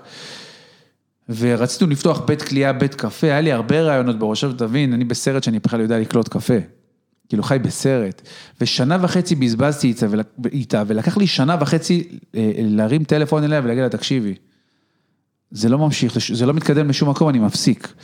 והיא אמרה לי, מה, ואני הרבה זמן מלווה אותך, והתחלנו והתקדמנו, אמרה לי, תקשיבי, לא התקדמנו לשום מקום, אני עדיין בלי שקל. וזה היה השלב בעצם שעצרתי ואמרתי, אני הולך לעשות מה שטוב לי. אני הולך, אני הולך להתנהג כמו שאני באמת. לא לחיות בעולם מדומיין שבו אני איש מכירות או איש עסקים, אני לא איש עסקים, גם היום אני לא איש עסקים, אני איש ייצור. אז זו ההמלצה הראשונה שלי לכל בעל עסק מתחיל, תגדירו במה אתם טובים ו-stick to it, כמו שאומרים, תהיו, תהיו על זה. אם אתה לא איש מכירות, אל תנסה. אם מישהו אומר לי ביקורת פעם, גם היום קצת קשה לי לקבל, אבל ביקורת פעם על הקפה שלי, אני הייתי מסתכל על אנשי מכירות והייתי מעריץ אותם. זה היה נכנס להם מאוזן, יוצא להם מאוזן והם ממשיכים בשיחה כאילו כלום לא היה. לי זה יושב בלב, ימים, לילות, לפעמים לא הייתי ישן מהביקורות, הייתי מנסה לפענח למה זה קרה. ואז זה הדבר הראשון שאני באמת נותן, אולי זה יצא מהשיחה הזאת, אולי זה נכון לכולם, תקשיב, זה, אנחנו רואים את זה. זה נכון לכולם, כאילו תהיה כן. אתה, ו, ובאותו רגע החלטתי שאני הולך להיות עם עצמי, אז אמרתי, אוקיי, יש לי בעיה עם כל הקטע של מכירות, אני אעשה אתר אינטרנט, בעצם הוא יהיה הפנים שלי, מי שיבוא אליי אני יודע לדבר, אבל אין סיכוי שאני מתקתק בדלת של מישהו ואומר לו, מה העניינים, נעים מאוד, כן. גלעד, זה, אין סיכוי, כי אז הוא אומר לי, מי אתה? כן. אמרו, אמרו לי את זה, הייתי באיזה מקום ב Organic Market, כי נמשכתי עם, עם, עם כל הקטע של הקפה אורגני, הלכתי ל Organic Market, הוא אומר לי, מי אתה? זה, זה היה כאילו, לא, לא ידעתי בכלל איך לענות על השאלה, הוא אומר לי, מי אתה בכלל? למדת באיטליה? למדת משהו? מי אתה? אמרתי לו, אני גלעד צמחי, הנה קח את הקפה, תטעם, אם זה טוב, תחזור אליי. הוא חזר אליי ומכרתי קפה ב Organic Market, אבל בגלל שהרווחתי שקל על כל שקית אחרי חודשיים, שלא שמעתי לאנשים אחרים שאמרו לי, אל תעשה את זה, ועשיתי את זה. אה, הפסקתי, תבין, הייתי קולה בקולה של קילו וחצי. איך שקל לשקית מחזיק את האקסל? זה לא מחזיק כלום, הייתי קולה בקילו וחצי, הייתי לוקח את הקולה שלי, לוקח את המטחנה, זו מטחנה של 70 קילו של קפה שחור, לוקח שקיות של 100 גרם, תבין, בחברה מקצועית זה נארז אוטומטית, אין סיכוי שאתה תעשה את זה כאילו, והקולים הם 60 קילו ומעלה. היום לשם דוגמה של, שלי הוא של 10 קילו. ו... והייתי לוקח את הדברים למקום שיש לו אישור יצרן, שעשה לי טובה, והייתי קולה ואורז אחד-אחד. שקל לשקית. ושקל לשקית מרוויח. הוא היה מוכר, אני זוכר, הייתי מוכר לו בשבעה או שמונה שקלים, הוא היה מוכר את זה ב-13 שקלים בחנות. ופשוט הפסקתי עם זה, כאילו זה... ולא הקשבתי לאחרים, אמרו לי, אל תעשה את זה. אל תעשה את זה, אתה תפסיד כסף, זה לא מתאים לגודל שלך. כן. אבל אתה חי, אתה חי בעולם מדומיין. כן, שמונה אחוז רווח שולי לא יכול להחזיק לך. אתה לא, לא יכול. לא, לא, לא בעסק כזה קטן. אתה לא יכול להחזיק. ו, וחזרתי שוב, וזו העצה השנייה שאני רוצה להגיד לכל בעל עסק, כל הזמן, כל הקטע של הרה-ארגון, של ההתבוננות לאחור, ולהגיד, אוקיי, איך אני משפר, זה משהו שלא נגמר. אין לי בעסק שום שלב שבו אני אומר לעצמי, זהו, אני על ישורת, העסק כבר מוכן, בוא נתקדם ונתעסק במכירה. אין סיכוי כזה, אולי זה בריחה שלי וגם ההתמקדות שלי כאיש ייצור, ולהגיד אוקיי, במה אתה טוב? וזה מה שאני אומר לעצמי כל הזמן, אני לא טוב לא בשיווק, אני לא טוב לא במכירות, אני לא טוב כמעט בכלום. בקושי את אשתי אני מסתדר איתה, אבל אני טוב בלייצר, אני טוב בלייעל, ו... וזה לזכותם של אוסם, בלי שמות. אה, בהנדסת ייצור שם, הם באמת נתנו לי המון המון המון כלים באיך להסתכל על דברים. אז שהייתי יצירתי, ואומנם אין הנחתו מעיד על עיסתו, אבל בקטע הזה הרבה יכולים להגיד, אה, טוב עזוב, לא נגיד. קיצר, אני יצירתי, כן. אז אה, זה בא בעוכרי הרבה פעמים, כי לפעמים אתה משתולל בלי קשר, אבל זה, זה הוביל אותי לנקודות מאוד מאוד טובות בכל הקטע של הקפה. בנינו, מה? כן. לא, מסחררים אותך למיקרופון, כן, כן. אמ, טוב, אז איפה היינו? באיזה שלב היינו בעצם? שאתה בקפה אורגני?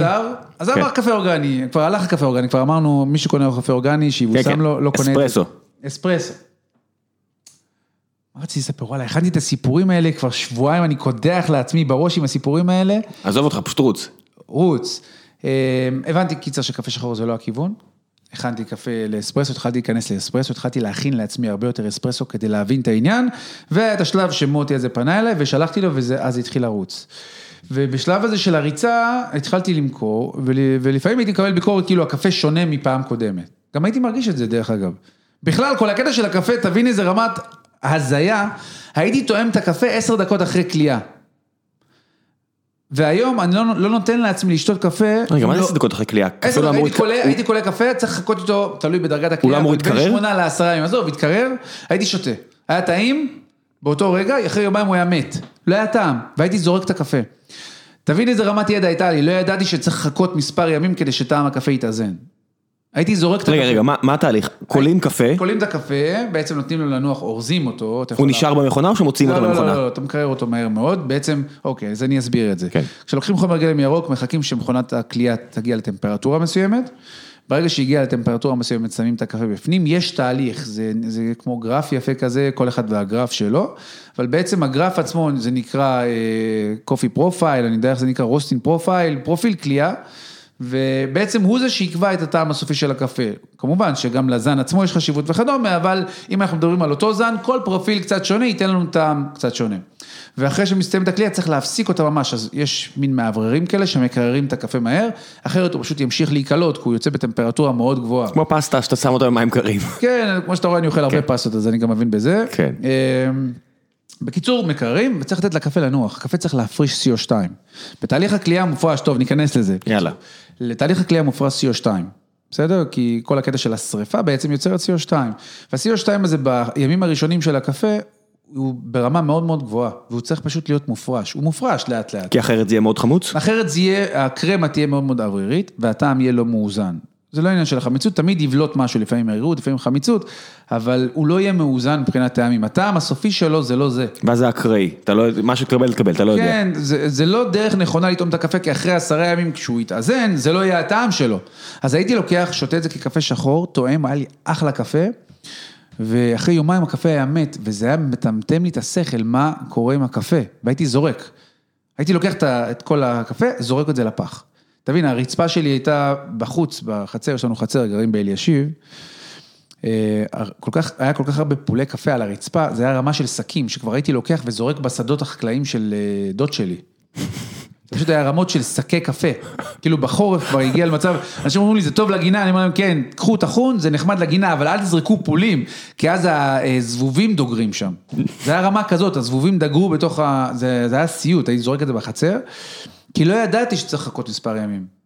זה, כל הידע נבנה באמת בצורה, אולי הייתי קצת פלצן אז, כי תמיד הייתי אומר לאנשים, אנשים אומרים לי, איפה אתה לומד? הייתי אומר להם, לא היה לי כסף ללכת ללמוד, בגלל זה לא נסעתי לחו"ל ללמוד, זה האמת. אבל הייתי אומר להם, לא, אני כמו צייר, ששאלו אותו פעם, איזה ציורים אתה אוהב, איזה, איזה ציירים אתה אוהב, אז הוא אומר, אני לא רואה שום צייר ושום ציור של אף אחד, כדי לא לקבל השפעות על הציורים שלי. יאללה, יאללה. אז הייתי הפלצן הזה, כן. אבל זה לא היה בגלל שזה זה, בגלל שפשוט לא היה לי כסף, היה- זה היה אלפי דולרים לנסוע לחו"ל, לאיטליה או לארה"ב, ללמוד את זה כמו שצריך. כמובן שאני לא מצטער על זה היום, כי זה באמת הביא אותי ל... זה הכריח אותך להשתפר בעצמך? זה הכריח אותי לשפר בעצמי, זה הכריח אותי ללמוד כל ניואנס קטן, שאולי הייתי מקבל כקביעה אם הייתי לומד אצל אחרים, אבל פה אני לא רואה שום דבר כקביעה, בעצם כל דבר נבנה לאט לאט והוא מניסיון שלי. זה לא שאמרו לי, שמע, תעשה, תקלה 12 דקות, זה הכיוון, ושם הייתי נשאר. לא, כל הזמן הקליעה עצמו, הסופי, אני בחרתי, השוני בין זן לזן, אני בחרתי, הטעם הסופי, אני בחרתי, אני אפילו לא... לא יודע אם זה גאוותני להגיד את זה, אבל אין קפה שאני נהנה ממנו, שאני אומר לך, שמע, הוא המאסטר ההוא מאיטליה, אני שותה את הקפה שלו ואני מנסה להעתיק. זה אף פעם לא ברמה כזאת. אתה- מבין שזה תכף יכול להיות הפוך, אבל... מה, שיעתיקו אותי? כן, שאנשים יבואו אליך, לא יעתיקו, אנשים יבואו אליך להגיד, וואלה, זה טוב, תגיד לי מה אתה עושה. אמ, אז לא, אנחנו לא אומרים את זה אף פעם. דרך אגב, תמיד, אם אני אגיד שאני מספיק טוב, אני לא ארצה להשתפר, אז אני אף פעם לא מספיק טוב, אה, אבל רוב הלקוחות ש, ש, שבאים אליי בעצם זה אנשים שמעשו ולא יכולים לשתות בבתי קפה, זה... אני, אני, אני רואה הרבה אנשים כאלה שפשוט הכל לא טעים להם. זאת אומרת שאם הם לא קונים את ה... אם הם לא באים בהלך רוח של קפה, נס קפה, אז הם רוצים קפה טוב. נכון, כי הש... הם אמרו את זה גם פעם, כל הקטע של היין והגבינות, כל מה שהעולם בעצם עשה לנו. ברגע שאתה מטייל בעולם, למשל הייתי בסלוניקי. מי שיחשוב ויחשוב שאני מטייל, זה פעם בעשר שנים עשיתי את הטיול הזה עם אשתי ועם הילדים, וזה פעם אחרונה ילדים, עד שתהיו יותר גדולים. זה היה, לא היה פשוט, אבל בכל מקום נורמלי, דווקא לא המקום ש, שמתיימרים להיות קופי איילנד וכאלה עם 300 סוגי קפה, המקומות הפשוטים, המאפיות וכאלה, הוציאו לי אחלה קפה. כאילו קפה מאוד גם מאוד בסטנדרטים. שלך? מה? גם בסטנדרטים שלך? אמ, כן, לא ברמת החד זני והטעמים הקיצוניים קצת שאני משתדל אה, לשמור עליהם בעצם, כי החייך שלי הוא מאוד מאוד פשוט. הוא לא פלצני, אני אמרתי לך, אני לא ארגיש וניל בשום דבר, חוץ מווניל. אז אני, אני משתדל שהקליעות שלי יהיו חד-זניות, זאת אומרת שהטעם יהיה הכי הרבה זכיר. אנשים שואלים אותי למה אתה עושה חד-זני, אמרתי להם, קודם כל זה שונה.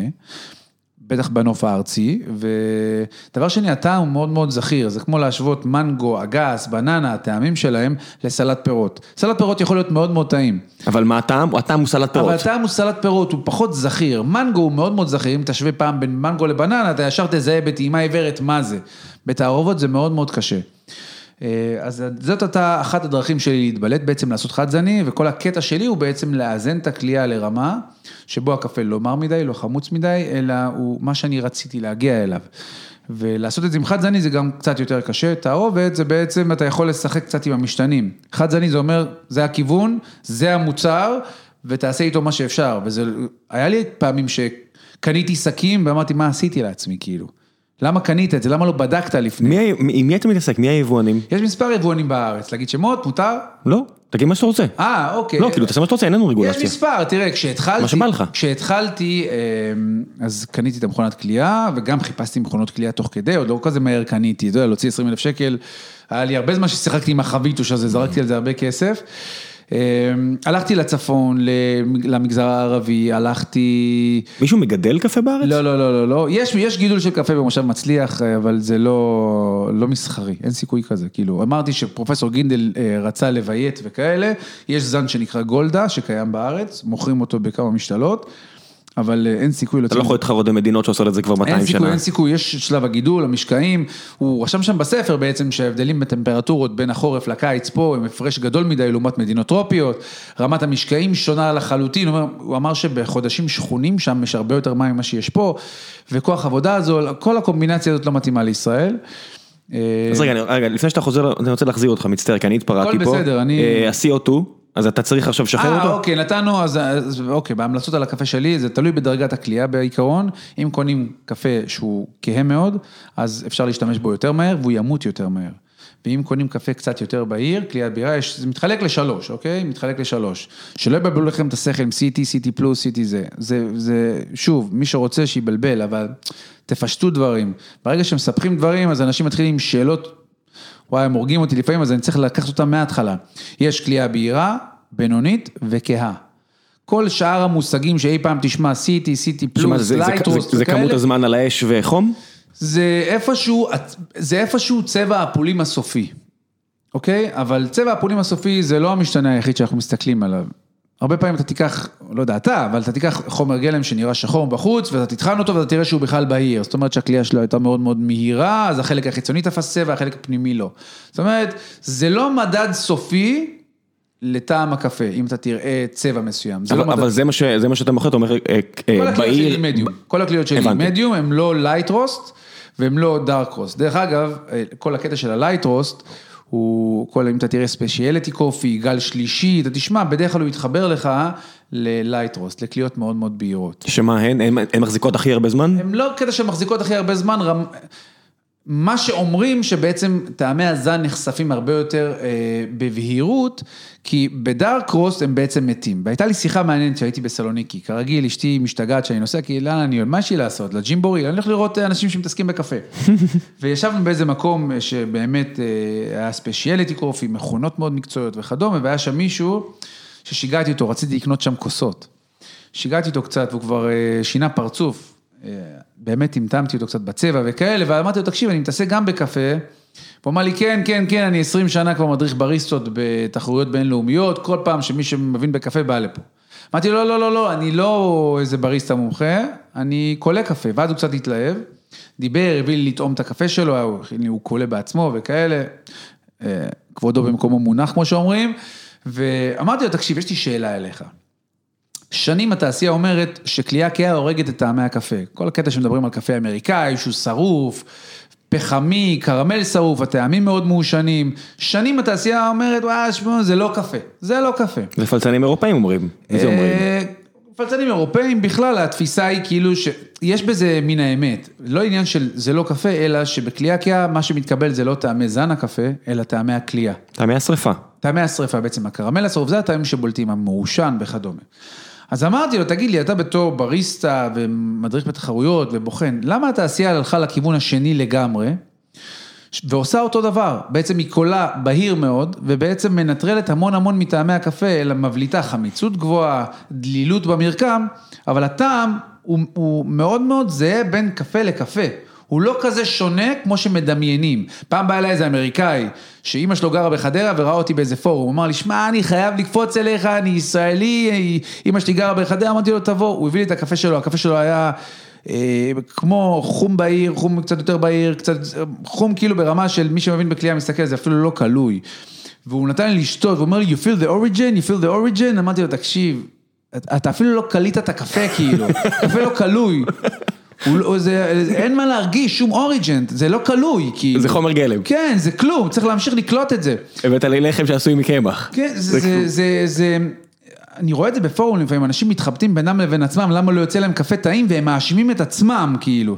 לא, זה לא אתם, כליאה בהירה היא קודם כל קשה מאוד לטחינה, מכונה מקצועית, קשה לה לטחון את הקפה הזה. כי הוא עדיין, כי הוא, הוא קשה. הוא קשה, הוא קשה, על אותה דרגת טחינה קפה בכלייה בינונית ייתכן הרבה יותר דק.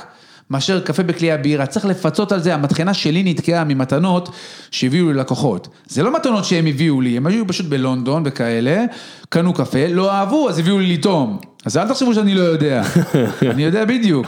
אתה מבין, הם מתעללים בי, תטעם את זה, תגיד לי מה אתה חושב. כן. ואז אני כבר ככה אחרי 30 אספרסו ביום שישי שאני מארח, אני מארח. אה, ואז אני נחנק כבר מרוב אספרסו, אבל הקטע הדליל והחמוץ זה קטע, זה קטע פסיכי, שאין לי מושג למה התעשייה הלכה לשם. זאת אומרת, להיות מידיום. זה זול יותר להכנה? יש איזשהו הסבר עסקי? זה שונה. זה שונה, זה לא רע בציוד high-end, בציוד של עשרות אלפי דולרים, ביחס חליטה של אחד לאחד נקרא לזה ככה, זאת אומרת אין הרבה שמנים בקפה בהיר.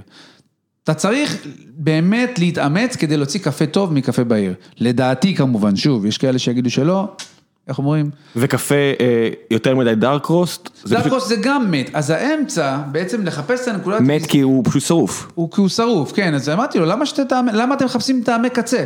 אז את זה אמרתם, כי אמרתם שזה לא טוב, למה light, למה הלכתם ל light? זה לא מבליט את טעמי הזן. אז הוא אמר לי, תראה, האמת שאתה צודק. אז לא כל הקפה שאני קולה הוא גם light roast, על התחרויות הוא לא דיבר איתי, כבר נראה לי שהיה נמאס לו ממני, קניתי את הכוסות והלכתי. אבל לפחות רציתי לקבל את ההצדקה ממישהו שבאמת בתעשייה הזאת, והוא קולה light.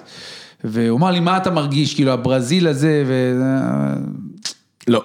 לא, תראה, אני מוכן, אני, אין לי בעיה עם כל טעם בקפה, אבל הדבר הבסיסי שאני מקפיד עליו גם בהכנה הוא מרקם. למשל, מי שבא אליי לשתות קפה, הרבה דברים שאני עושה הם שונים, והרבה פעמים אנשים מתנגדים, אני אומר, אני ממליץ לשמור במקרר, אומרים לי שלא, בסדר, הכל בסדר. את הפולים? כן, את הפולים אני ממליץ לשמור במקרר. דיברנו על ה-CO2, זה תמיד יחזור ל-CO2. כשדיברנו על ה-CO2, כן. בעצם ה-CO2 משתחרר במשך 8 עד 10 ימים, 12 יום, מגיע לרמת איזון טובה, בכלייה בינונית, כלייה בירה צריך קצת יותר, כלייה קהה פחות. ובעצם אחרי הזמן הזה, אה, אנחנו רוצים לשמר את רמת ה-CO2 שנמצאת בפולים. אנחנו רוצים לשמר אותה. אז תוריד טמפרטורה. נכון. אז למה לא להקפיא? אה, אפשר לעשות את זה, אבל אין צורך לעשות את זה, אלא אם כן הצריכה שלך היא מאוד מאוד נמוכה. כי אתה רוצה להוציא קצת כל פעם. אתה צריך להוציא קצת כל פעם, והבעיה היא שאנשים גם ככה לא מקפידים על הוראות יותר מדי מסובכות, כי אז אתה צריך לחכות את ה-10-12 יום כשהקפה כבר מאוזן, לסגור ואז תשים במקפיא. ואנשים לא, לא ישר שמים במקפיא, ואז הקפה הוא בוסר, אז אני אומר להם שימו במקרר. עכשיו, אנשים אומרים לחות, מה לחות? להיכנס לדברים המקצועיים? כן. לא, לא תצאו מזה, טוב. עשר דקות, נו מה. אז ככה, אנשים אומרים לי, שמע, אתה שם קפה במקרר, יהיה לו לחות. אז ככה, אין לחות יש מאין, השקית סגורה. כאילו, לא תיכנס לחוט, השקית סגורה. וכל הקטע של עיבוי הוא דבר שהוא תיאורטית נכון, אבל הוא לא קורה בפועל, אנחנו פשוט רואים את זה בפועל, בפועל. אנחנו רואים את זה בהכנה, מי שמכין לעצמו אספרסו ורוצה להבין אם הקפה שלו קיבל לחות, פשוט צריך להסתכל, להסתכל על המטחנה ולהבין האם במשך הצריכה שלו, של הקפה הזה, הוא היה צריך לפצות בטחינה דקה כל פעם. כי כאשר הקפה סופג לחות, הוא, הוא פחות פריך, ואז צריך לפצות על זה בכיוון מטחנה יותר דק. הוא פשוט נדבק. הוא פשוט פחות פריך, הוא פשוט גמיש, המטחנה לא שוברת אותו כמו שצריך. ובדקתי את זה, זה לא קורה. כאילו, שוב, אני לפעמים רואה בפורומים, מצרפים אותי לפעמים לפורומים, ואולי, אני, זה לא קטע פלצני, אני פשוט לא רוצה חס ושלום להגיע לרמת ויכוח עם אנשים, אז אני ישר יוצא משם. לפעמים אני רואה דברים הזויים, אומרים לאנשים, כן, תקפיאו, תוציאו אותו 24 שעות לפני, בטמפרטורת חדר, תפתחו אותו בזהירות, ואז, כאילו, חבר'ה, גם, אתה יודע מה, גם אם אתם רוצים להשוות טמפרטורה, זה לוקח בדיוק 10 דקות, כאילו, זה לא, לא צריך עכשיו להוציא את זה 24 שעות לפני, עטוף בשתי שקיות ניילון, כאילו. כן, כאילו, זה... ותמיד, אני לא רוצה להגיע למצב שבו אני אומר לבן אדם, תגיד לי, ניסית? בעל מקצוע שממליץ ככה, ניסית? או ששמעת את זה מאיזה איטלקי שחי לפני 250 שנה, שאיזה מאמר שלו פורסם, כאילו, אני, אני קורא מה 250 שנה? כל הקטע הזה של אספרסו זה 100 ומשהו שנה באיטליה. כן, אבל... אין אין אפילו כזו היסטוריה של... נכון, אבל אנשים מושכים כל מיני דברים שהם שמעו אי פעם, כאילו, וזה... לא יודע, אני מנסה בעצמי, אני פשוט כל דבר עושה ניסוי, אני נותן ללקוחות שלי לעשות ניסויים, אז מה שהתחלתי להגיד לך, אני שותה את האספרסו בכוס קפואה. כמו וודקה כזה? כוס קפואה. כאילו, אני מביא, אנשים באים אליי ואומרים לי, תקשיב, כל מקום חמים את הכוס. כוס אספרסו רגילה? כוס אספרסו שאני לוקח, אתה תבוא אליי, אתה תשתה קפה, הכוסות במקפיא. מה הקטע? אז אני אסביר מה הקטע, אם מישהו רוצה לנסות, תנסו אותי. Try me. בחליטה אידיאלית בעצם, כאשר החליטה בעצם יפה, טובה, זורמת כמו שצריך, בסיום החליטה, החליטה תהיה, הקפה יהיה בסביבות 80 או 90 אחוז קרמה. בעצם בכוס, אם אתה תראה בכוס זכוכית, 80-90 אחוז קרמה וממש 10 אחוז הנוזל השחור. ככל שיעבור הזמן בעצם הקרמה תצטמצם למעלה, ולמטה יהיה הנוזל השחור, והקפה יהיה הרבה פחות קרמי. הוא יהיה טעים, הוא יהיה הרבה פחות קרמי. ובתור אחד, כמו שאמרתי, שאני אוהב את כל הקטע של המרקם בקפה, זה מעצים מאוד את הקפה. אז כשהתחלתי, זה קרה במקרה כמובן, כי היה לי כוסות קרות, לא לי לא קפואות, היה לי כוסות קרות, שתיתי אספרסו ואמרתי וואלה, הוא יותר סמיך. ואז הייתי מתחיל לקרר כוסות. וכשהיה אצלי לקוח וטעם, אמר לי וואלה, זה מגניב. ואז הוא העלה פוסט על זה שהוא מקפיא כוסות. אמרתי וואלה, הוא מטורף. ואז התחלתי לעשות גם. ואז כשאתה שותה את הקפה, אנשים באים אליי, אני אומר להם שני שלוקים. שלוק ראשון לראות שלא חם, שלוק שני את הכל. ואז הקפה הוא במרקם של מעדן, הוא לא במרקם של נוזל. פעם אחת אמרתי למישהו לעשות את זה בשלוק אחד ונשרף לו הגרון, אז שני שלוקים, שני שלוקים, לשים לב. תשמע, אני מכיר הרבה אנשים שנותנים לקפה להתקרר, הם לא ידעו להסביר לי למה, גם אני עושה... בשחור כן. לא, אפילו קצת אספרסו. אז אני אסביר למה. אני אסביר למה. יותר טעים לי שהקפה קר. נכון, בשחור אני עושה את זה, אבל פה בעצם מה שקורה, הכוס מושכת את הטמפרטורה מהר מאוד של האספרסו. אז אתה יכול לשתות אותו שהוא בטמפרטורה יותר קרה, הוא לא יהיה לך חם. כל הרעיון של משקה קר, משקה חם וכדומה, זה כמו שתשתה בירה חמה. אתה לא תוכל, כי הטעמים יהיו מועצמים מדי. תהיה חמוץ. ממש חמוץ. זה יהיה, זה יהיה קשה מדי לעיכול נקרא לזה ככה מבחינת החך שלנו. וגם יין, אתה בעצם רוצה להתקרב קצת לטמפרטורת חדר. יש טמפרטורות בעצם שהטעמים מספיק בולטים כדי לחוש בהם. אם אתה תשתה קפה חם מדי, פשוט לא תחוש בכל הטעמים שאתה רוצה לחוש בהם. בעיקר בשחור אני עושה את זה. באספרסו, הכוס הקפואה מספקת לי את החוויה הזאת, אני גם שומר על המרקם של הקפה, ובעצם אני מקבל את הקפה בטמפרטורה הרבה יותר נמוכה, כי הכוסות עבות וקפואות, ואז אני שותה אותו שאני מרגיש את כל הטעמים, זה נדבק לחך. אני... תגיד, מה לגבי הכנה אחרת? משתתף בצערך שאתה שותה במכונה אוטומטית פה במשרד, אבל... בסדר, זה, כי זה משרד, אני יודע, עשרות אנשים, אין מה לעשות. אנחנו נקנה עכשיו מנגרו ו... לאט לאט, אני אביא לך קודם כל. לא, עזוב, אל תביא לי. עזוב, אל תביא, אני אקנה. שתעשה אקזיט, תזכור אותי. בן אדם, הכל בסדר. בוא נמשיך, אני אומר לך, נקנה לחברה, לא לעצמי. כשמכינים קפה, אז אתה יודע, יש את כל האנשים שאומרים, הדרך הכי טובה למצות את הטעם, זה איך שמכינים הטורקים. זאת אומרת, עם הפינג'אן, עם כל הדברים, זה לא פינג'אן, אני גם... איברי, כן, כל הדברים האלה, עם החומר גלם, שאתה מכיר את זה, זה באמת נכון? זאת אומרת, בניגוד לסתם לעשות את זה על האש. מה זאת אומרת הדרך הכי טובה? מה שהם עושים, כאילו מה, שהם מרתיחים את זה כמה פעמים וכאלה? כן, כל התהליך הזה, הרי טורקים הם הביאו את זה, הם אצלהם, הם האוריג'ינל גנגסטרס. אני אגיד אמרה קשה שאני אומר להרבה לקוחות, אני אומר להם, זה קצת פלצני בתור יהודי להגיד את זה, ואני אגיד שהגויים לא ילמדו אותי שום דבר. באמת, באמת. אבל זה סוגים שונים, זה דרכים שונות. לא, לא, לא, לא, עזוב, עזוב, עזוב. איך אתה מכין קפה אם זה לא אספרסו? קודם כל אני שותה כל בוקר שחור. גם שחור יש הרבה דרכים להכין. אין יותר מדי דרכים להכין. זה מים חמים ומערבב? תראה, הכל, כל עניין ההכנה נגזר מהטעם הסופי שאתה רוצה. אם אתה רוצה להגיע לטעם מריר מאוד, תרתיח את הקפה. הוא יהיה דליל ועם טעמים קצת שרופים ומריר, בסדר? כי הקפה בעצם מעל 100 מעלות כבר מתחיל לקבל, אתה מגיע למצב של over extraction. כן, זה קפה של קמפינג שאתה עושה עם הפקל קפה, הוא שרוף לחלוטין. נכון, במילואים אצלנו הם לא סובלים, כי אני מביא את הקפה ומייעץ להם, אבל... אז רועי גור זה עליך, אם אתה שומע זה עליך. אבל תשכחו ממני כבר, אני כבר עוד מעט בן 40, די, מספיק כבר, עידן. ו... אבל אה, אם אתה מגיע לרתיחה, תקבל קפה מריר. שוב, הבדואים למשל עושים את הסאדה, סאדה שלהם, 300 שנה שהקפה כאילו מורתח ומבעבע ומוסיפים עוד קפה. שוב, בפרופיל טעם שהם מחפשים של טעם. ה- של השרוף. כן, ואז הם מוסיפים- מוסיפים סוכר. כן, טעם גיהנום ומתוק בגיהנום, משהו כזה, יש איזה קטע של גיהנום. אתה לא מוסיף סוכר, נכון? אני מוסיף, לא, לאספרסו, לא לשחור אני מוסיף ולהפוך אני מוסיף. באמת? כן. כן, אני לא משיחי, אני רוצה ליהנות מהקפה, אני לא בא ל... לא.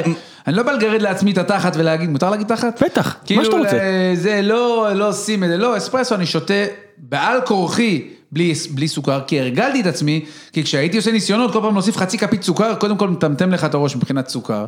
דבר שני, אם שמתי פה חצי כפית ופה שמתי חצי לא, כפית, זה לא מדויק. קצת, כן, זה לא מדויק, אתה חייב להפסיק עם הסוכר. היום אספרסו הרבה יותר מתוק לי משחור וכאלה. כי יש לך את הטעמים. אתה כן, אתה מרגיש, זה עניין של הרגל.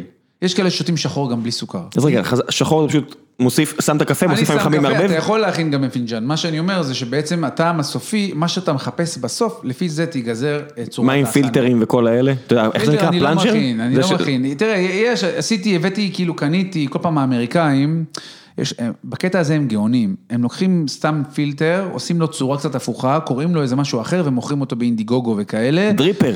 כל מיני שטויות, וכל פעם אני קונה את זה כמו מטומטם. ואין הבדל.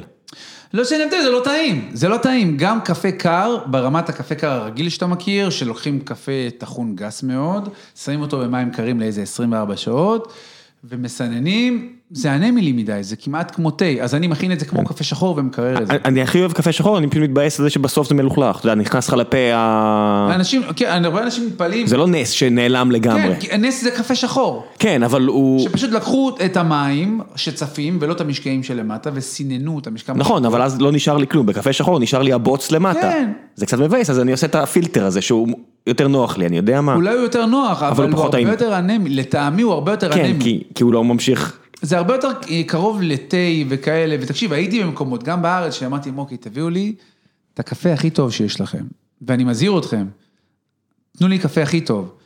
וזה, גם במקומות שכאילו היו, התיימרו לעשות דריפ וכאלה, זה היה, זה הרגיש לי, אה, כאילו שהם עושים את זה רק בשביל להגיד שהם עושים את זה. לא באמת בחנו את הטעם הסופי. כמו ברוב המקומות. יש, יש בתי קפה שכבר עובדים איתך? אני לא עובד עם בתי קפה בכלל, רק עם פרטיים. מה כאן, בית קפה לא יכול לקנות ממך? אה, פעם עוד הייתי כאילו מאשר או מנסה ובוחן את זה, היום כבר בשלב השאלה הראשונית אני כבר מפנה לאחרים. לא, אני לא? רוצה. לא אוהב לעבוד עם בתי קפה. מה זה לא אוהב? לא אוהב, אתה לא תקנה, אתה לא תמכור לו? לא. לא אמכור. באיזה קטע?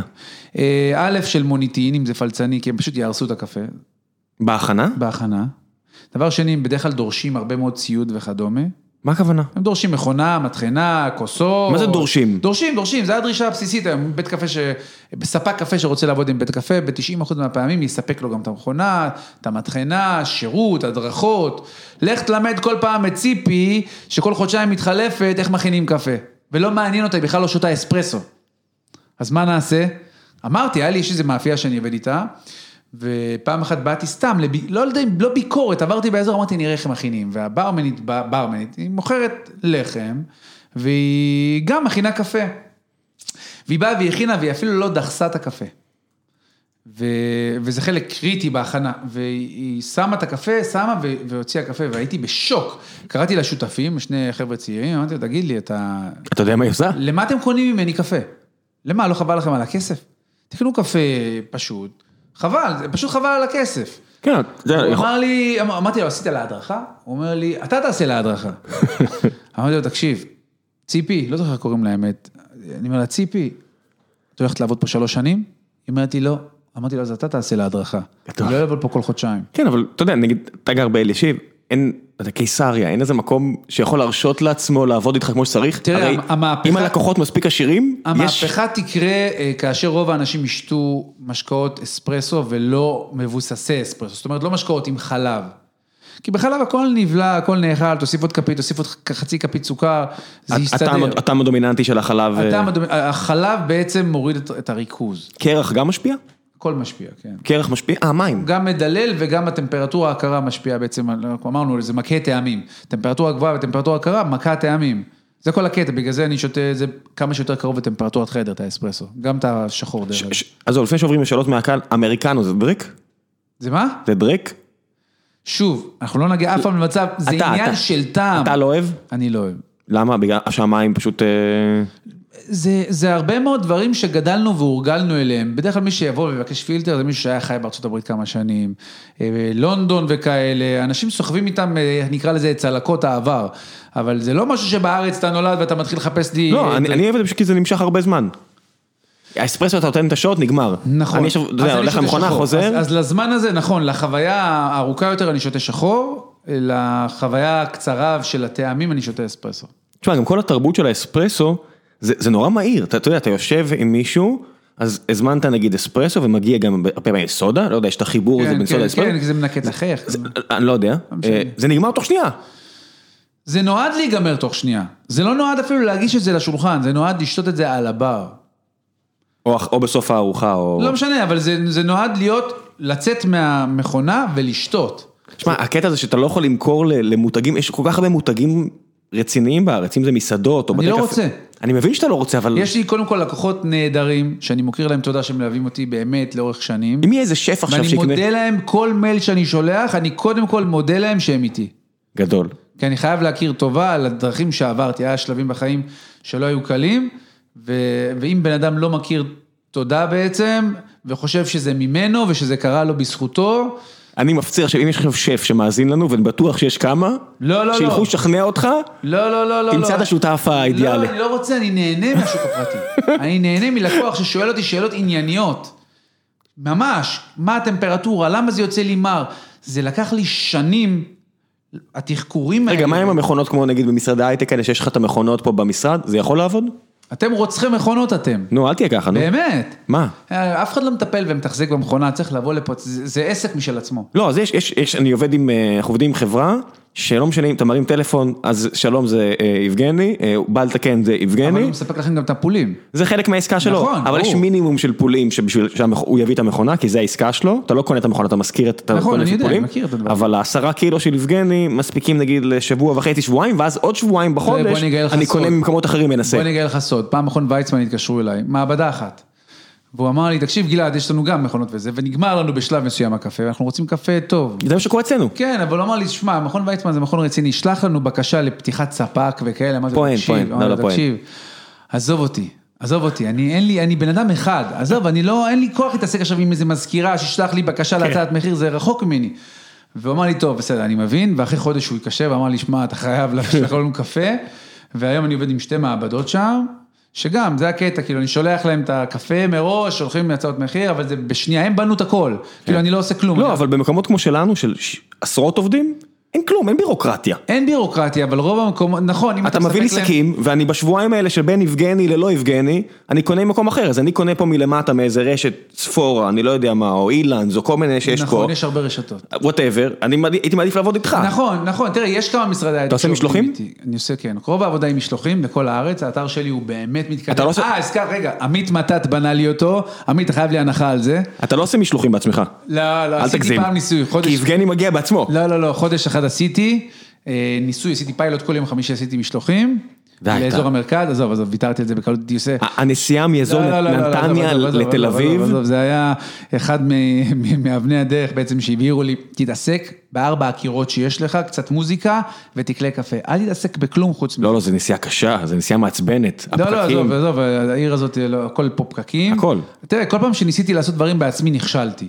ניסיתי לבנות אתר בעצמי, זרקתי 4,000 שקל על Fiverr, אין סיכוי. הם פה לידינו, רוצה לדבר איתם? לא, Fiverr הכל בסדר, אבל לך תסביר עכשיו לאיזה אינדונזי. הודי שמומחה ב-UI UX, זה הקטע שלו כאילו, ואתה משלם לו, לא יודע, 20 דולר, ואז הוא אומר לך, אוקיי, איפה לשים את הכפתור ובאיזה צבע. אמרתי לו, אבל בשביל זה שילמתי לך כסף. כן. ואז הבנתי שזה 4,000 שקל שהלכו לחינם, מצאתי את העמית מתת הנחה שנייה. באמת, בחור שכאילו לקח ו... תשמע, אתר בן זונה.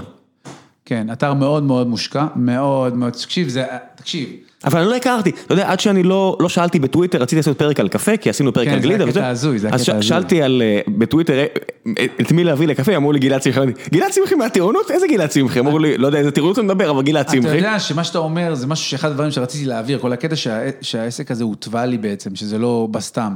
לפעמים יש לי שיחות עם אנשים על קטע שתפרסם וזה, ותעשה AdWords ותעשה פה, ואני מסביר להם, תקשיבו, פרסמתי וזה, זה לא תמיד עובד, לפעמים להפך. תהיה בן אדם טוב, תעשה דברים טובים, וזה בא אליך. ואז נתתי את הקטע שלך, כאילו, את הקטע של, אני אומר, תראו דוגמה, מה הסיכוי, כאילו, שמישהו יחפש, ואחד הלקוחות שלי... תבין, לא, אני לא יודע מי זה, אני לא זוכר, אולי אני, יצאתי פה שמוק, אני לא זוכר מי זה, הוא לא... אתה יודע איך אני ידעתי? הוא נלחם עליך, תבין, היה שם כמה אה, שמות? נתנו שם איזה שלוש ארבע שמות, אז זה שאמר אותך, אמר, לא משנה איך אתה מכיר, לא מכיר אותו, אתה חייב להביא אותו. ואני ידעתי על זה, כי לקוח אחר עשה צילום מסך ושלח לי. כן, ואז אתה שלחת לי, כן, אבל הנקודה היא שאנשים נלחמו כדי שאני אביא אותך ולא אני מישהו אגיד אחר. לך משהו מגניב, של- היה חשוב להם שאתה תגיע לפה. היה ספר שקראתי שנקרא רציונלי ולא במקרה. אנשים לפעמים, תמיד אמא שלי אומרת, תשמע, יש לנו עוד כמה דקות. כן, וגם דן אריאלי שכתב את הספר גם אמור להגיע מתישהו. מתישהו, אני יודע. הקטע שעשו שם ניסוי.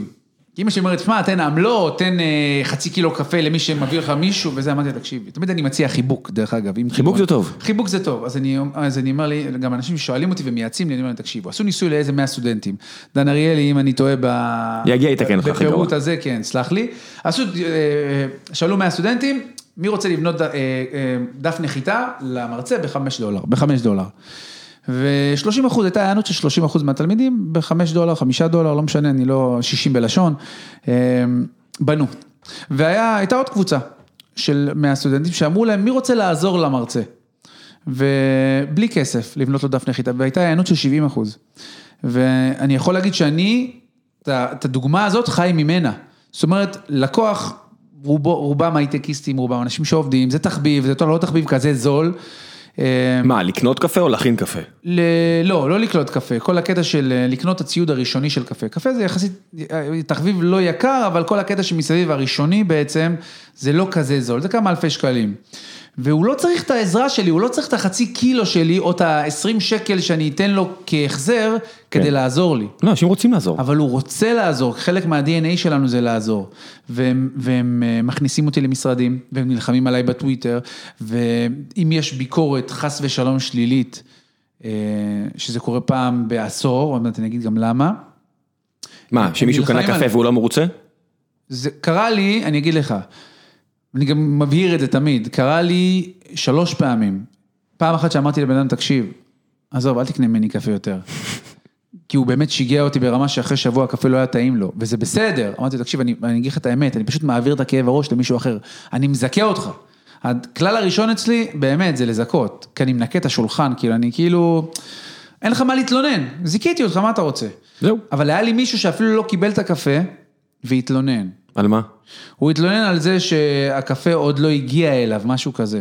וזה היה חגים וכאלה, זה לא היה אמור להגיע אליו. קורה. אבל אה, כן. הנה, אוקטובר, עכשיו יש פה אבל- חודש אבל שלם שאף אחד לא אבל עובד. בגלל שהוא שיגע אותי בזה, אמרתי לו, תקשיב, אל תסתבך עם זה, אני מזכה אותך על הכל, על המשלוח, על הכל, אל, הכל בסדר.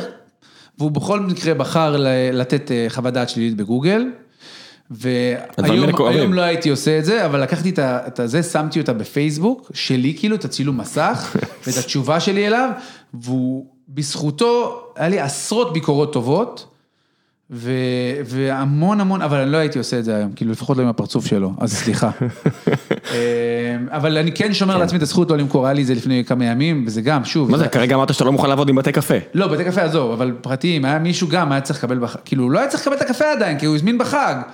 והוא אומר לי, שמע, אני לא רוצה את הקפה הזה. אמרתי לו, הכל בסדר, אתה, תקשיב, אל, ת, אל תתרגש, אתה מזוכה על הכל, אבל תדע, אתה לא יכול לקנות מפה קפה יותר. מה, למה? אמרתי, תקשיב, זה עסק. קופי נאצי. אם אתה לא בסדר, אם אתה בסדר, אני אעזור לך, ברמות שאם מישהו צריך הדרכה על קפה היום, על המכונה, אני אומר להם, תקשיבו, אל תשלמו לי על זה, זה גזל. אני לא מרגיש שאני לא, כאילו, זה לא עולה לי. תבואו, אני אדריך אתכם. ואני אעזור, תמיד, אבל לא להיות, לא להיות... אה, אל תהיה תמה. לא טוב, אתה מבין? תהיה, תהיה בן אדם. מי שבן אדם באמת, את הנשמה אני נותן. בוא נעשה קצת שאלות מהקהל. אה, יאללה. עכשיו פה לפני השאלות יש... אה, איך הייתי, דרך אגב? חכה, היית טוב, זה- החלק, יש פה עוד איזה 20 דקות של פרק, חכה שנייה. לפני השאלות מהקהל, דבר החסות. לפני שנחזור לפרק ונשמע ונקרא קצת שאלות מהקהל ונראה את התשובות של, נשמע את התשובות של גלעד, אני לכם על נותני החסות הנוספים שלנו לפרק הנוכחי, וזו אה, חברת פנדה. השם הרשמי הוא פנדה ZZZ, כמו פנדה של, כמו ZZZ של השינה, אז מדובר על מזרן ויסקו חלומי, אה, שאתם יכולים לקבל אותו למאה לילות לניסיון, כל מה שקשור למשלוחים והחזרות חינם, והקטע שבאמת מרשים אותי, ששוב, זה לא מס שפתיים, פנדה הם אה, עסק מהזן החדש, התרבות העסקית או הארגונית של בעצם הברית שהם מנסים להביא ארצה, שאתם יכולים לבדוק את המוצרים שלכם, אתם מקבלים שירות מדהים, ואני כבר שמעתי על אנשים שגם ניסו, לא אהבו, וקיבלו מיד את הכסף בחזרה, הכל סבבה, הרוב המוחלט כן אוהבים, אבל אם תגלו שהמזרן הזה לא נוח, ויש סיכוי כזה, אתם תקבלו את הכסף בחזרה, אז אין פה גם הרבה סיכון מצדכם, והם עושים את כל הדברים שלהם נכון, בגלל זה גם כיף לי לעבוד איתם, כנסו לאתר שלהם, תבדקו, תראו מה הם עושים שונה מחברות שונות, אני מאוד ממליץ כי אני מאוד מתחבר לגישה הזו שבה הם אה, חוסכים עלויות בזה שאין להם מחסנים והם לא מוציאים הרבה כסף על קופי רייטרים ומוכרים לכם לוקשים בטלוויזיה, אלא פשוט מוצר טוב במחיר הכי נמוך שהם יכולים להביא לכם, אה, חוסכים בעלויות איפה שאפשר, אבל משפרים איפה שרצוי ויהיה, שזה בשירות לקוחות, במדיניות החזרת אה, מוצרים שהיא רמה מעל המשחק פה בארץ, אז אני מאוד ממליץ. לכו, תסתכלו, אני אשאיר לכם לינק, ועכשיו, בחזרה לפרק עם אה, גלעד שמחי. וחזרנו. אה, שאלות מהקהל, כל מי שרוצה, אה, פורום החיים עצמם של גיקונומי בפייסבוק, אני נותן מדי פעם, מה זה מדי פעם? 24 שעות או 48 שעות לפני הפרק אני אומר מי מגיע, ואז כל מי שרוצה שואל שאלות, ואני מנסה להכניס כמה שיותר מהם. אז בואו נתחיל. עומרי טנקמן שואל, נספרסו, בעד או נגד? כטעם, לא כמתחרה. קודם כל נספרסו כמובן לא מתחרה שלי, כשאני אהיה נספרסו אני, מותר לי לדבר, אבל אה, נספרסו זה לא עניין של טעם, זה עניין של נגישות ונוחות. מי ששותה נספרסו לא עושה את זה בשביל לקבל את האספרסו האיטלקי מזה, זה רק עניין של, אה, זה, זה נראה יפה, אבל זה לא אספרסו. דרך אגב, יש לי יום שלישי, בגלל זה אמרתי, הדבר השני שזה כתבה שאני אמור ללכת, בא בבום, אתה ועוד כתבה, ושם אני מקווה שאני אפלוט את זה. כי לא נלך לטעום קפסולות ולהגיד להם את זה ב... ב live. ב live. טלי אה, ג'פינסקי שואלת, איך אתה מסביר את ההתמכרות של הישראלים לקפה שחור? התמכרות של ישראלים, ההתמכרות של קפה היא, היא כלל עולמית, זה לא משהו ישראלי. אמ, אני לא חושב שיש התמכרות לקפה שחור. קודם כל יש לנו אורח חיים מאוד מאוד תובעני. אנחנו עובדים הרבה מאוד שעות, אנחנו קמים מוקדם. אני כל בוקר, אשתי קמה ומכינה לי קפה, כאילו, גם אני מכינה לפעמים, הקטע הפמיניסטי, אבל היא מכינה לי קפה, וזה הדרך שלנו, זה משהו שמלווה אותנו לאורך היום, זה לא משהו שאנחנו, זה לא מטרה, זה משהו מלווה, זה משהו שמאיר. אני לא חושב שיש התמכרות. באופן כללי יש התפוצצות, כל הקטע של הקפה זה הרבה מאוד בכותרות. אבל אה, אין פה התפוצצות, שום דבר לא השתנה. יורם יובל, אה, שאחד הפסיכולוגים כנראה המוצלחים בארץ והמוערכים. הוא רוצה להבין אותי? לא, הוא גם אה, הנכד של ליבוביץ' ופרופסור מאוד מכובד וידה ידה, היה בטלוויזיה הרבה, אז הוא בהרצאה שלו תמיד אומר שעל רוב הדברים שיגידו לכם באמת צריך להגביל, זאת אומרת יש בעיה, אומר הדבר היחידי שאף אחד, אף אחד לא מצא שיש לו נזק, קפה, שתו. תראה, לכו על זה. לפעמים אנשים שולחים לי כל מיני מאמרים, פרסם, קפה לא מזיק, אמרתי להם, תקשיבו, מי שאוהב קפה, ישתה קפה. לא, הנקודה היא שבאמת, זה לא אלכוהול, זה לא סמים, נכון, זה לא, לא זה, זה לא שתה. זה לא מזיק. זה רק מעיר אותך וזה טוב, זה לא ריטלין שאתה יודע, אתה אומר, זה סם, אתה יודע, בוא נגיד את האמת, זה סם פסיכיאטרי. תראה, זיכרון זה לא נותן. מה זה לא נותן? זה מעיר אותי, אני, ההבדל ביני לבין עם קפה או בלי קפה הוא גדול. נכון, אבל היה איזה מאמר שאומר שזה עוזר, זיכרון זה לא נותן, כי זה אני יכול להעיד על עצמי, אבל uh, זה מעיר. זה, זה כן יש לי כאבי ראש, אתה יודע, בגלל שהתמכרתי כנראה לקפה, אז יום שבת, אם אני לא שותה, כואב לי הראש, בסדר, אז אני אשתה קפה. אז בגלל שאתה יותר מדי זמן עם אשתך בשבת. וואי וואי, עלית פה על, אה, אני, יש סיכוי שאני אערוך את זה החוצה. יש סיכוי שאני עורך את זה החוצה, כי היום בדרך, אה, כן, אני עורך את זה החוצה. אם אתם שומעים את זה, זה רק בגלל שפספסתי את העריכה. אה, בוא נראה, יואב גל, מה דעתך על הטרנד של הגל השלישי, והאם הוא באמת מביא משהו ששונה מהותי מהגל של משקאות האספרסו? טוב, אז גל זה... שלישי בדרך כלל, אם אנחנו רוצים לפרוט את זה אה, בפשטות, אז זה מתחלק לשניים. אחד זה השקעה בהכנה בעצם. מה זה? מה זה גל שלישי? גל שלישי זה... כל הקטע של עכשיו, זה בארצות הברית בעיקר קורה, של מכונות מאוד מאוד טובות, בריסטות מאוד מאוד מיומנים, וקפה שהוא single origins, חוות ספציפיות, יש פה המון המון הדגשה על המוצר הסופי, ה high-end נקרא לזה, ככה לקחו את זה לקיצון. גל השלישי בא, ו... ובעצם במקום הקפה הרגיל, הפילטר וכדומה, או האספרסו הרגיל מסטארבקס, בא ואומר, תקשיבו, יש לי פה משהו מיוחד. בואו תכירו את אלחנדרו, שגר במקסיקו, על, הר, על איזה הר, והוא מביא לכם את הקפה, והוא, שמע. כמו בכל דבר שמוכרים לנו, יש פה המון המון המון bullshit, אפשר לפרוט את זה לשניים, אחד, זה המיכון המאוד מאוד מקצועי שיש בבתי קפה, זה מוערך ומאוד מאוד טוב, שהבריסטה מיומן ויודע להוציא קפה. הגל השלישי תמיד מתקשר לנו גם לקליות מאוד מאוד בהירות, וזה קפה בדרך כלל שיהיה חמוץ ודליל. אז אני אומר, לך לפי הטעם שלך, עזוב אותך טרנדים, אם טעים לך, אל תשאל שאלות. טעים טעים, כל הסיפורים מסביב, כמו שאמרתי בהתחלה, fair trade, גל שלישי, אורגני, עזוב אותך כל שטויות. תהנה מהקפה, אם אתה נהנה ממנו, זה שלך. תומר ברק שואל כמה סוכר. במה? אני מניח שהוא שואל בקפה שחור שלך. אה, אני שותה כפית, אבל זה עניין של איזון. תגיע תמיד למצב שזה קצת ימתיק לך, אבל לא ישתלט על הטעמים. שלמה בלוך שואל, לשמור פולי קפה, קפה טחון בהקפאה, כן או לא? אז קצת דיברנו על זה. כן, דיברנו על כל הקטע של ה-CO2.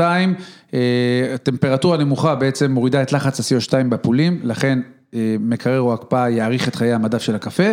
קפה אצלי לא נמכר, מגיע עד לחודשיים, זה, הוא נמכר תמיד שהוא בין פחות מעשרה ימים, תמיד, והוא יגיע ככה גם בדרך כלל ללקוח. אתה שם תאריך על האריזה? יש תאריך על כל אריזה, תאריך קלייה ושם של הקפה, וההמלצה היא עד חודשיים, זאת אומרת מתאריך הקלייה, להשתמש בו במקרר. שמואל יאנגר שואל, איך טרנד ה cold brew לא חזק בארץ? מה זה cold brew? כי זה לא טעים. מה זה cold brew? cold brew זה מה שאמרתי. אה, 24 שעות, מים קרים. כן, 24 שעות, זה לא טעים, זה אנמי, אני משתמש בזה, אני עושה בעצם, אני טוחן 100 גרם קפה.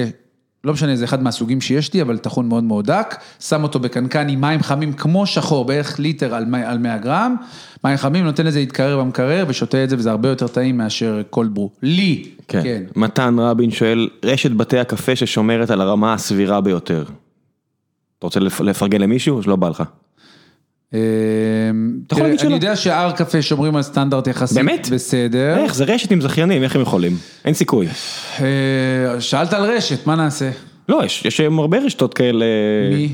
אני לא יודע, אני לא... אין רשתות, יש לך את ארומה, יש לך את הר קפה, יש לא לך את קפה קפה. אילנד, אני יודע מה, אילנד זה הרבה בתי קפה.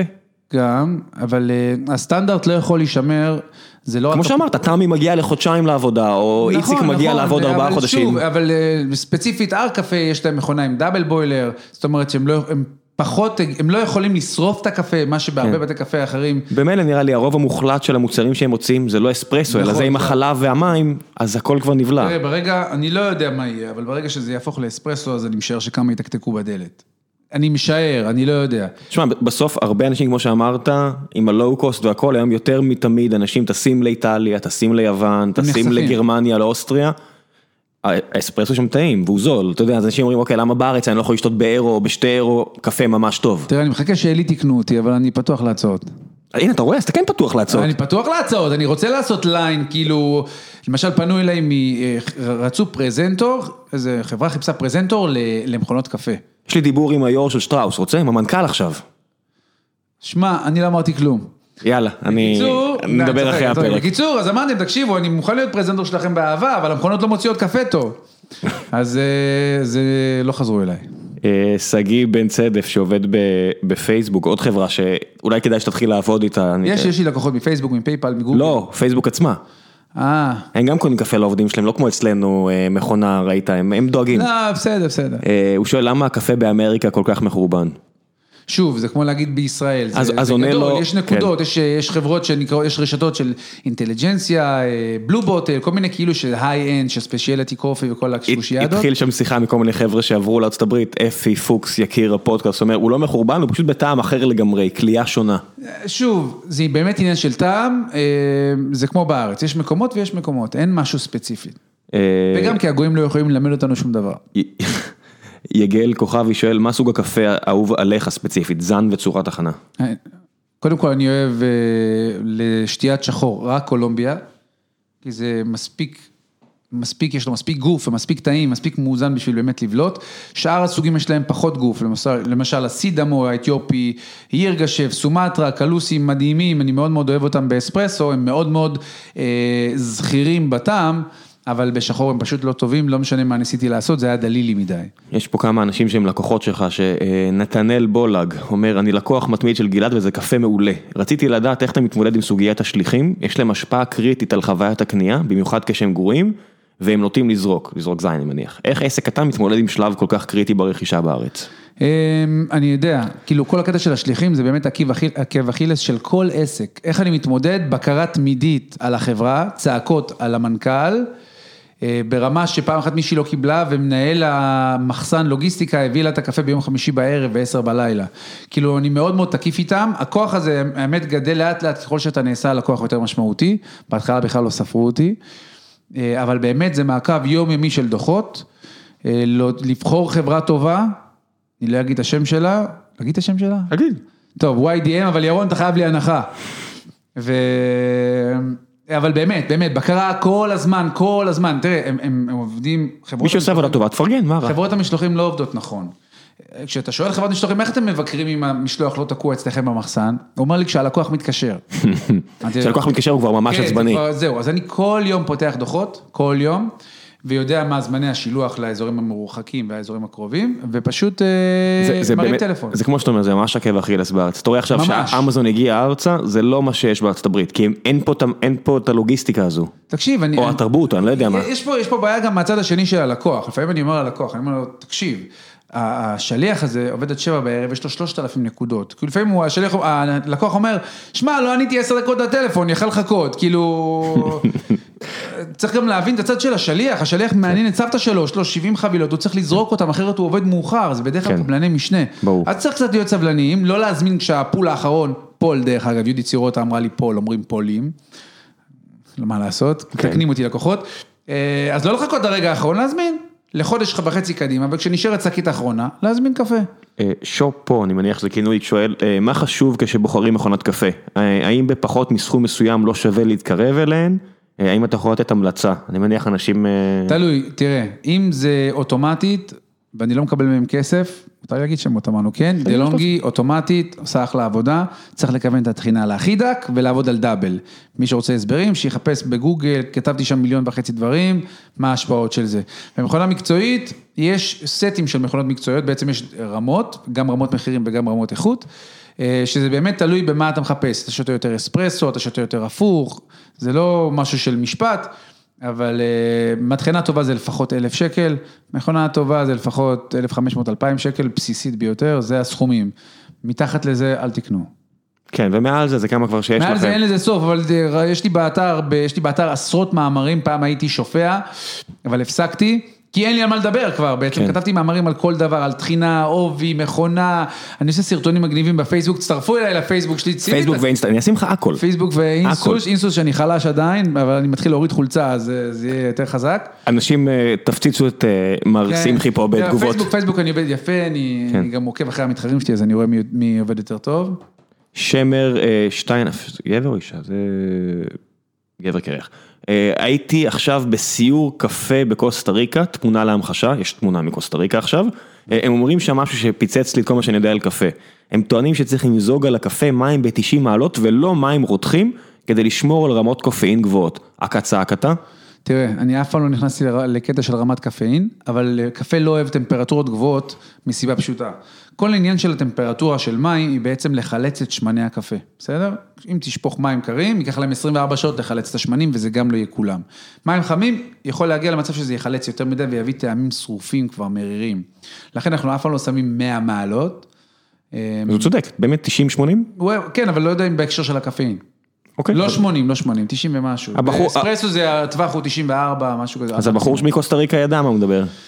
לפחות את זה. לפחות את זה. כן. אה, נעשה עוד כמה. הקפה היה טעים, זו השאלה, לא עם ה-90. אני מניח שכן, אחרת הוא לא היה. אוקיי. חכה עוד כמה. כיף, אני באהבה. מקס אה, אה, קליי, איזשהו שם אשכנזי. תימני. כן, לא, קלייססביץ'. מי יותר פלצנים, חובבי היין, חובבי הסינגל מלט וויסקי או חובבי הקפה? בדרך כלל זה, הם, בדרך כלל זה אותם אנשים. לא, לא, זה זה- כן, זה- כן, כן, זה אותו. סוג, אבל מכמה. מתחבר, מתחבר. אבל אה, תראה, אני מכיר את חובבי הקפה, כל ה... לא מכיר את כל הקטע של הוויסקי בכלל, אבל אה, חובבי הקפה, לפחות הלקוחות שלי לא כאלה פלצנים. שוב, כי גם אני- גם אני לא כזה, אני שובר את זה מההתחלה, אני אומר להם, תפסיקו עם השטויות. אה, אלכס לנדה שואל, מה הכלי הכי טוב לקפה על קיראי? בקינטה, פינג'אן, מה לדעתך- יוצא הכי טעים? אם אתה שואל אותי, קח קפה שחור טוב ותעשה מים חמים עליו. כן, זה יוצא יותר טעים, כי מקינטה לרוב זה יהיה אנמי קצת, לפעמים קצת טעמים שרופים, וזה זמן, ואם לא יצא טוב, אז מה יש לך לעשות? לחכות שהמקינטה תתקרר ולהכין מחדש. שחור שופכים על הכיור ועושים עוד פעם. קובי רובין גם מאהובי הפודקאסט המוני הטועים, אתה מכיר אותו? הוא נהג מונית שמבקר אה, מסעדות. אחלה, אחלה גימיק. בקושי מכיר את אשתי. בבקשה, אז קובי רובין, אה, יקיר ה pod, שואל, האם בארץ רוב בתי הקלייה שורפים את הקפה?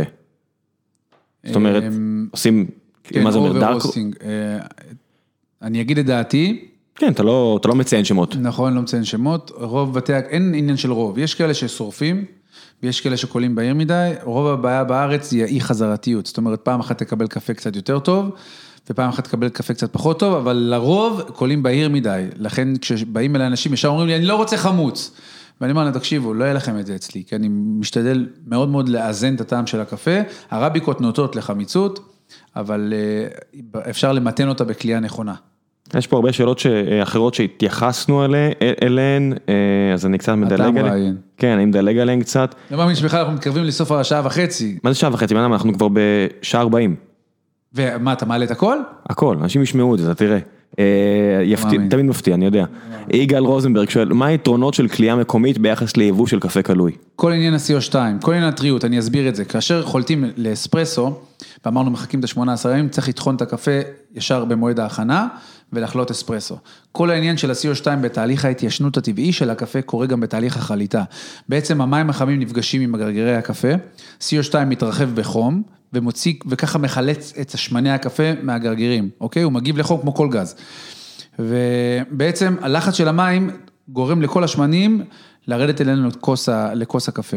אם תעשה ניסוי יגאל, ותכין לעצמך אספרסו, ותעשה אספרסו מושלם, תטחן עוד פעם קפה, תשים אותו, את הידית רבע שעה בצד עם הקפה בפנים, תדחס ותכין עוד פעם אספרסו, ותראה שיצא לך פיפי. זה בדיוק ההבדל בין קפה ישן לקפה טרי. רמת ה-CO2 הגרגירים. קפה, קפה בעצם שמיובא אלינו מחו"ל, ברגע שהוא מעל חודש וחצי, חודשיים, רמת ה-CO2 בו מאוד נמוכה. לכן אתה תצטרך לפצות כדי לקבל זמני חליטה נורמליים של 20 פלוס שניות, לטחון את הקפה הרבה יותר דק, מה שיקרה, שייצא לך קפה מאוד מאוד מריר, אמ, ועם פחות גוף. יש פה עוד כמה אנשים שיובל טאו למשל קונה אצלך קפה כבר כמה שנים, איכות מדהימה, גם פנאט לקפה וגם עם מחשבה מקורית. הוא שאל פה כל מיני דברים שענינו להם למה אתה מקפיא אה, כוסות אספרסו ולמה חד זני וכו', אז התייחסת להכל, הוא לא מקשיב, הוא פשוט לא מקשיב, התלמיד. לא, לא מקשיב. אה, אז יש פה אנשים שעמוס וכל מיני כאלה ששאלו על אחריות סביבתית, ענית גם לזה, על fair trade וכל הדברים האלו. והיו כל מיני אנשים ששאלו על איך ראם היה כטירון, סיפור מצחיק שזכור לך, אחי, 15 שנה. יש לי, יש לי, יש לי, יש לי, רגע. מה עם הפרה? לא, לא, לא. אה, שרדפת אחרי פרה? אז מה זה רדפתי? אתה לא. אמרתם לי לרדוף אחרי פרה. אתה מבין? כמעט... אה, אני זוכר את זה משהו, אני זוכר משהו עמום. אז תבין, אני לא כל כך זכרתי את זה, ואז אה, מישהו עכשיו בקמפינג אמר, יש לי חולצות מהטירונות, מישהו רוצה? אה, וזה- נכון, זה- וזה אני רודף אחרי פרה. נכון. לא, לא, האמת, הדבר הכי זכור לי ממך זה כשהיית עומד להקשב, כאילו, כשהיית עומד, כשהייתי קורא לך, אז היית עומד ומרים את העיניים למעלה, כי לא היית יכול לא להתפוצץ מצחוק. זה היה הקטע שלך, אה, היית הוצ- מסתכל הוצ- הוצאתם לי- את זה. מחזיק את הפה, מחזיק את הפה, לא, היה תקופה, היה תקופה. התקופה, כן, תשמע, אני זוכר את זה, אתה יודע, בסופו של דבר, אה, לוקחים טוב מהכל. כן, נכון. זה עניין של בחירה. לוקחים טוב, לא, כולנו ככה, אין... אה, מה, שלוקחים טוב מניסיון העבר? לא יודע. עכשיו, בסוף, אם אם ממש מקשים עליך, יש איזה ערך בעיניי. תראה, לא הקשיתי יותר ממה שהקשו עליי. נכון, אבל זה, זה, גם באנו, אנחנו עשינו עם. דובדבן, אתם עשיתם עם חרוב, אנחנו... כן, אבל אז, אבל אז הרגו מישהו, אז היה צריך לפוצץ את לא, הסיפור. זה, לא, הרגו. בין לבין. ב- ביני לבינך. נכון, נכון, נכון. כן, כל העניין הזה של מי- מתעלל יותר בחיילים לא לא נכון. הסתדר טוב. התח- התחרות הזאת התפוצצה על פנים של צה"ל. עזוב, אני הייתי במעצר הטרטור טירונים, אתה לא זוכר. אני הייתי הטירון, אז... לא, לא נכון, זה היה... שפר. לא, לא. על מה זה היה? אתה זוכר? על מה נכנסת? בטיולית הרצתי... בטיולית. בטיולית הרצתי את, אה, נו, את ורד. לא. זה שפרש אחר כך, נו, מתלמונד, הצלם. הוא לא פרש, חיון. חיון, הבנתי שהוא, הבנתי שהוא אחר כך לא היה לוחם. בסדר, נו, אבל לא כן. משנה, אז אותו, ואז המדסניקית שהייתה איתנו באוטובוס, הלשינה. כן, כי התברר שאבא שלה הוא היה מדסניק של מטכ"ל, משהו כזה, סגן אלוף, אז, כן, כן, כן. אז הייתי במעצר. לא. גם אתה רוצה לשמוע סיפור מצחיק שהיה... כולכם אבל? הייתם במעצר על דברים. לא, לא, אתה רוצה לשמוע... מה, באמת? גם חאג'י היה, לא? תקשיב, תקשיב, סיפור מצחיק, אולי אתה לא יודע אותו. נו. כשהסתובבתי בבסיס, אתה יודע, היה לנו פה מאוד מאוד קשה, מאוד מאוד מלוכלך יחסית למפקדים. סמרטוטים לא, וכאלה. אתה, לא? לא, לא. לא. מה, לא, היה לנו- ברור שכן. בסדר, היה לנו פה- היה לנו פה מאוד קשה, אני מודה. והיה איזה אחד ששבר שמירה משמשון. מה זה שבר שמירה? נשען על העמדה. ואמרתי, תקשיב, בואנה, סמרטוט, תרים את עצמך, אתה שובר שמירה, והוא הוא נפגע ממני, והוא התחיל אה, לענות לי חזרה, אז אמרתי, אוקיי, אני אלך למפקדים שלו, להגיד להם שהוא שבר שמירה. אז הלכתי אחרי כמה שעות למפקדים, והם אמרו לי, כן, כן, שמענו, שמענו את הסיפור כבר. כאילו, אתה היית לא בסדר, מה אמרת לו סמרטוט? וכל פעם שהייתי הולך בבסיס והחייל הזה היה רואה אותי, הוא היה שורק לי. הוא היה עושה ככה. לא מסתכל עליי, אבל שורק לי, כאילו אני כלב. וכשנכנסתי למעצר, כשנכנסתי למעצר, הוא נכנס כמה ימים אחריי. ואז, ואז הוא התנצל. בוא נגיד באיזה סיטואציה ש... שלא ויתרתי לו והוא חטף ממני באיזה סיטואציה שהיינו לבד, והוא התנצל. זה, תדע לך, קרמה זה דבר מסוכן. עזוב כמה, אני אגיד לך, זה ש... אני לא יודע איך זה היום, אבל בתקופה ההיא זה באמת היה טירונות מאוד קשוחה והכל, והערך שיצא מזה, אתה יודע, שאתה אחרי זה יוצא לפעילויות, אם אתה יודע, אתה יכול לצאת מסיירת מטכ"ל ועד לגדודים של גולני, והייתי עולה, לא יודע, למוצב בצפון לגלדיולה, והייתי הכי צהוב בארץ, אתה לא שובר שמירה לשנייה, ואתה, אם אתה צריך לעלות לשמור שנייה בזה, אתה לא פוצה פה, אתה עושה את זה. זה זה ערכים טובים. הערכים הם טובים, תראה, זכינו, אבל זה דפק אותי בהמשך. כל הקטע של, תקשיב, אנחנו בחרוב, שהיה לכם את הטירונות שלכם, כל פעם היינו הולכים לחפש חיילים שלהם שברחו. אצלנו כאילו, הם היו רוצים להישאר, אז יכלנו, היינו מאוד מאוד קשוחים איתכם, כי לא רציתם לברוח. מה שאתם רוצים לברוח? אנשים לא רצו שיעיפו אותם. נכון, ובגדודים אחרים אנשים פשוט ברחו מהגדרות והיינו הולכים לחפש אותם בשדות. וזה דפק אותי באחר כך. מה זה? בבתי זה. בודרוס מעבר לגבול. הייתי, כשהייתי עובד בבתי קפה אחר כך וכאלה, והעובד לא היה מתנהג כמו שצריך, זה היה קשה לי. כי הוא כאילו אומר לי, מה אתה רוצה ממני? אני... כאילו, מה זה מעניין אותי? אני פה בשביל הלימודים, אני לא פה בשביל להיות איזה בריסטה מקצוען או מלצר על. וזה דפק אותי, כי היה קשה לי לקבל בינוניות. ממש. אני לא חושב שזה דפק אותך, זה- זה זה ערכים טובים, אתה יודע, אני... תראה, גם אשתי אומרת שאני מושלם, אבל... אה, אבל אין מה איפשהו, לעשות. איפשהו זה דפק, איפשהו זה היה קשה לי לקבל את זה. בנימה זו, סוף הפרק, שעה ו-45, היית מאמין? אני לא אאמין שישמעו את זה. אז מה אתה רוצה, תמיד, פעם באיזה 40-50 פרקים, מישהו נותן את המשפט הזה, מה אתה רוצה שאנשים יעשו כדי להוכיח לך שהם הגיעו לסוף? ישלחו לך הודעה בפייסבוק, הגעתי לסוף, לא. אהבתי את הפרק, לא. יקנו, יקנו שקית קפה, לא, אני רק רוצה שיבינו, כי זה, כי זה שיקבלו את קורה, המסקנה הסופית שלי לגבי עסקים בכלל. יותר מעשרת אלפים אנשים, סטטיסטית, הגיעו לנקודה הזאת. לא יודע, עזוב אותי סטטיסטית. אני זה- אשלח לך את התמונות מהגרפים, זה נו. החלק שלך, אני יודע כן. לעשות קפה. אני רק רוצה שאנשים ידעו, שמי שרוצה להיכנס לעולם העסקים, לא שאני איש עסקים, כן, או לעולם הייצור, לעולם הזה, אה, קודם כל בידול, בידול, בידול, בידול, ותקפידו, באמת, לפעמים אנשים אומרים לי, למה השירות שלך טוב וכאלה? תמיד אני אומר להם שאני מתנהג כמו שהייתי רוצה שיתנהגו אליי, וזה משהו שהכי חסר בארץ. אני נחשף בזה גם כלקוח הרבה פעמים. מה, בזלזול, ב- תביא לנו את זה לפתח תקווה, אתה קונה משהו באינטרנט, תביא לנו... כאילו, החוסר שירותיות הזאת זה משהו מטורף, בגלל זה הרבה קונים באמזון. אז אני רוצה שאנשים ייקחו אה, את הקטע של קודם כל להיות בן אדם, באמת בן אדם להתנהג ללקוחות כמו שאתה רוצה שיתנהגו אליך. מישהו סיכם לי את זה פעם ב"ואהבת להערכה כמוך", ממש ככה, להתייחס אליהם כמו שהתייחסו אליך, ותהיו אנשים טובים ו, ותעזרו לאחרים.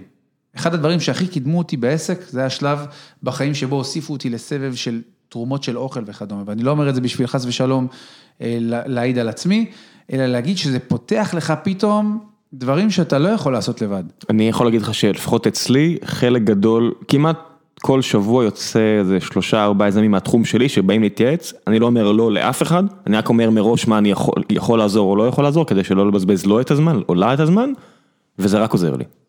זה רק עוזר. אנשים, אנשים עוזרים אחרי זה, נכון. בחזרה, או עוזרים למישהו אחר, ואז זה- ההוא זה יעזור לך. קיים, זה קיים, כל הקטע של זה לא מיסטיקה, כן? מתחרות, אני לא עושה את זה. יש לי- הייתי במילואים, התקשרו אליי על משאית, אמרו, רצו להזמין אותי לתוכנית בוקר. אמרתי להם, חכו, אני על, על משאית, אבל יש לי מישהו בשבילכם. זאת אומרת, אני, אני באמת מפרגן, וזה, וזה מוסיף עליך אנשים לא מבינים איך עובד היקום הזה, גם אני לא. עזוב, זה לא קרמה, זה עובד. זה פשוט, עובד. אם אתה נחמד, אנשים נחמדים. נכון, גם לעס- גם לעסקים אחרים. אני אני מדבר על עסקים, בסופו של דבר, דורון, שעשה איתי את הפודקאסט בתחילת הדרך, או, או בעט אותי לעשות את זה, לפני 20 שנה היה לנו איזה משהו, לפני הצבא אפילו, והוא הוא הסביר לי שעד שאתה לא מנצח את השוק, המתחרים שלך, זה העמיתים שלך, הם לא מתחרים, כי אתם ביחד מחנכים שוק. כשיהיה פה שוק, ויהיה כל כך הרבה כסף שאתם באמת תתחרו, אז תתחרו. עד. אז, הם עמיתים שלך לחינוך. יכול להיות, אני, ההסתכלות שלי, אני מאוד מאוד מסתכל לתוך ביתי, ושטוב לי, אנשים אומרים לי, שמע, תפתח בית קפה, בוא נעשה ככה, אני אומר להם, תקשיבו חברים, באיזה שעה אתם מסיימים לעבוד?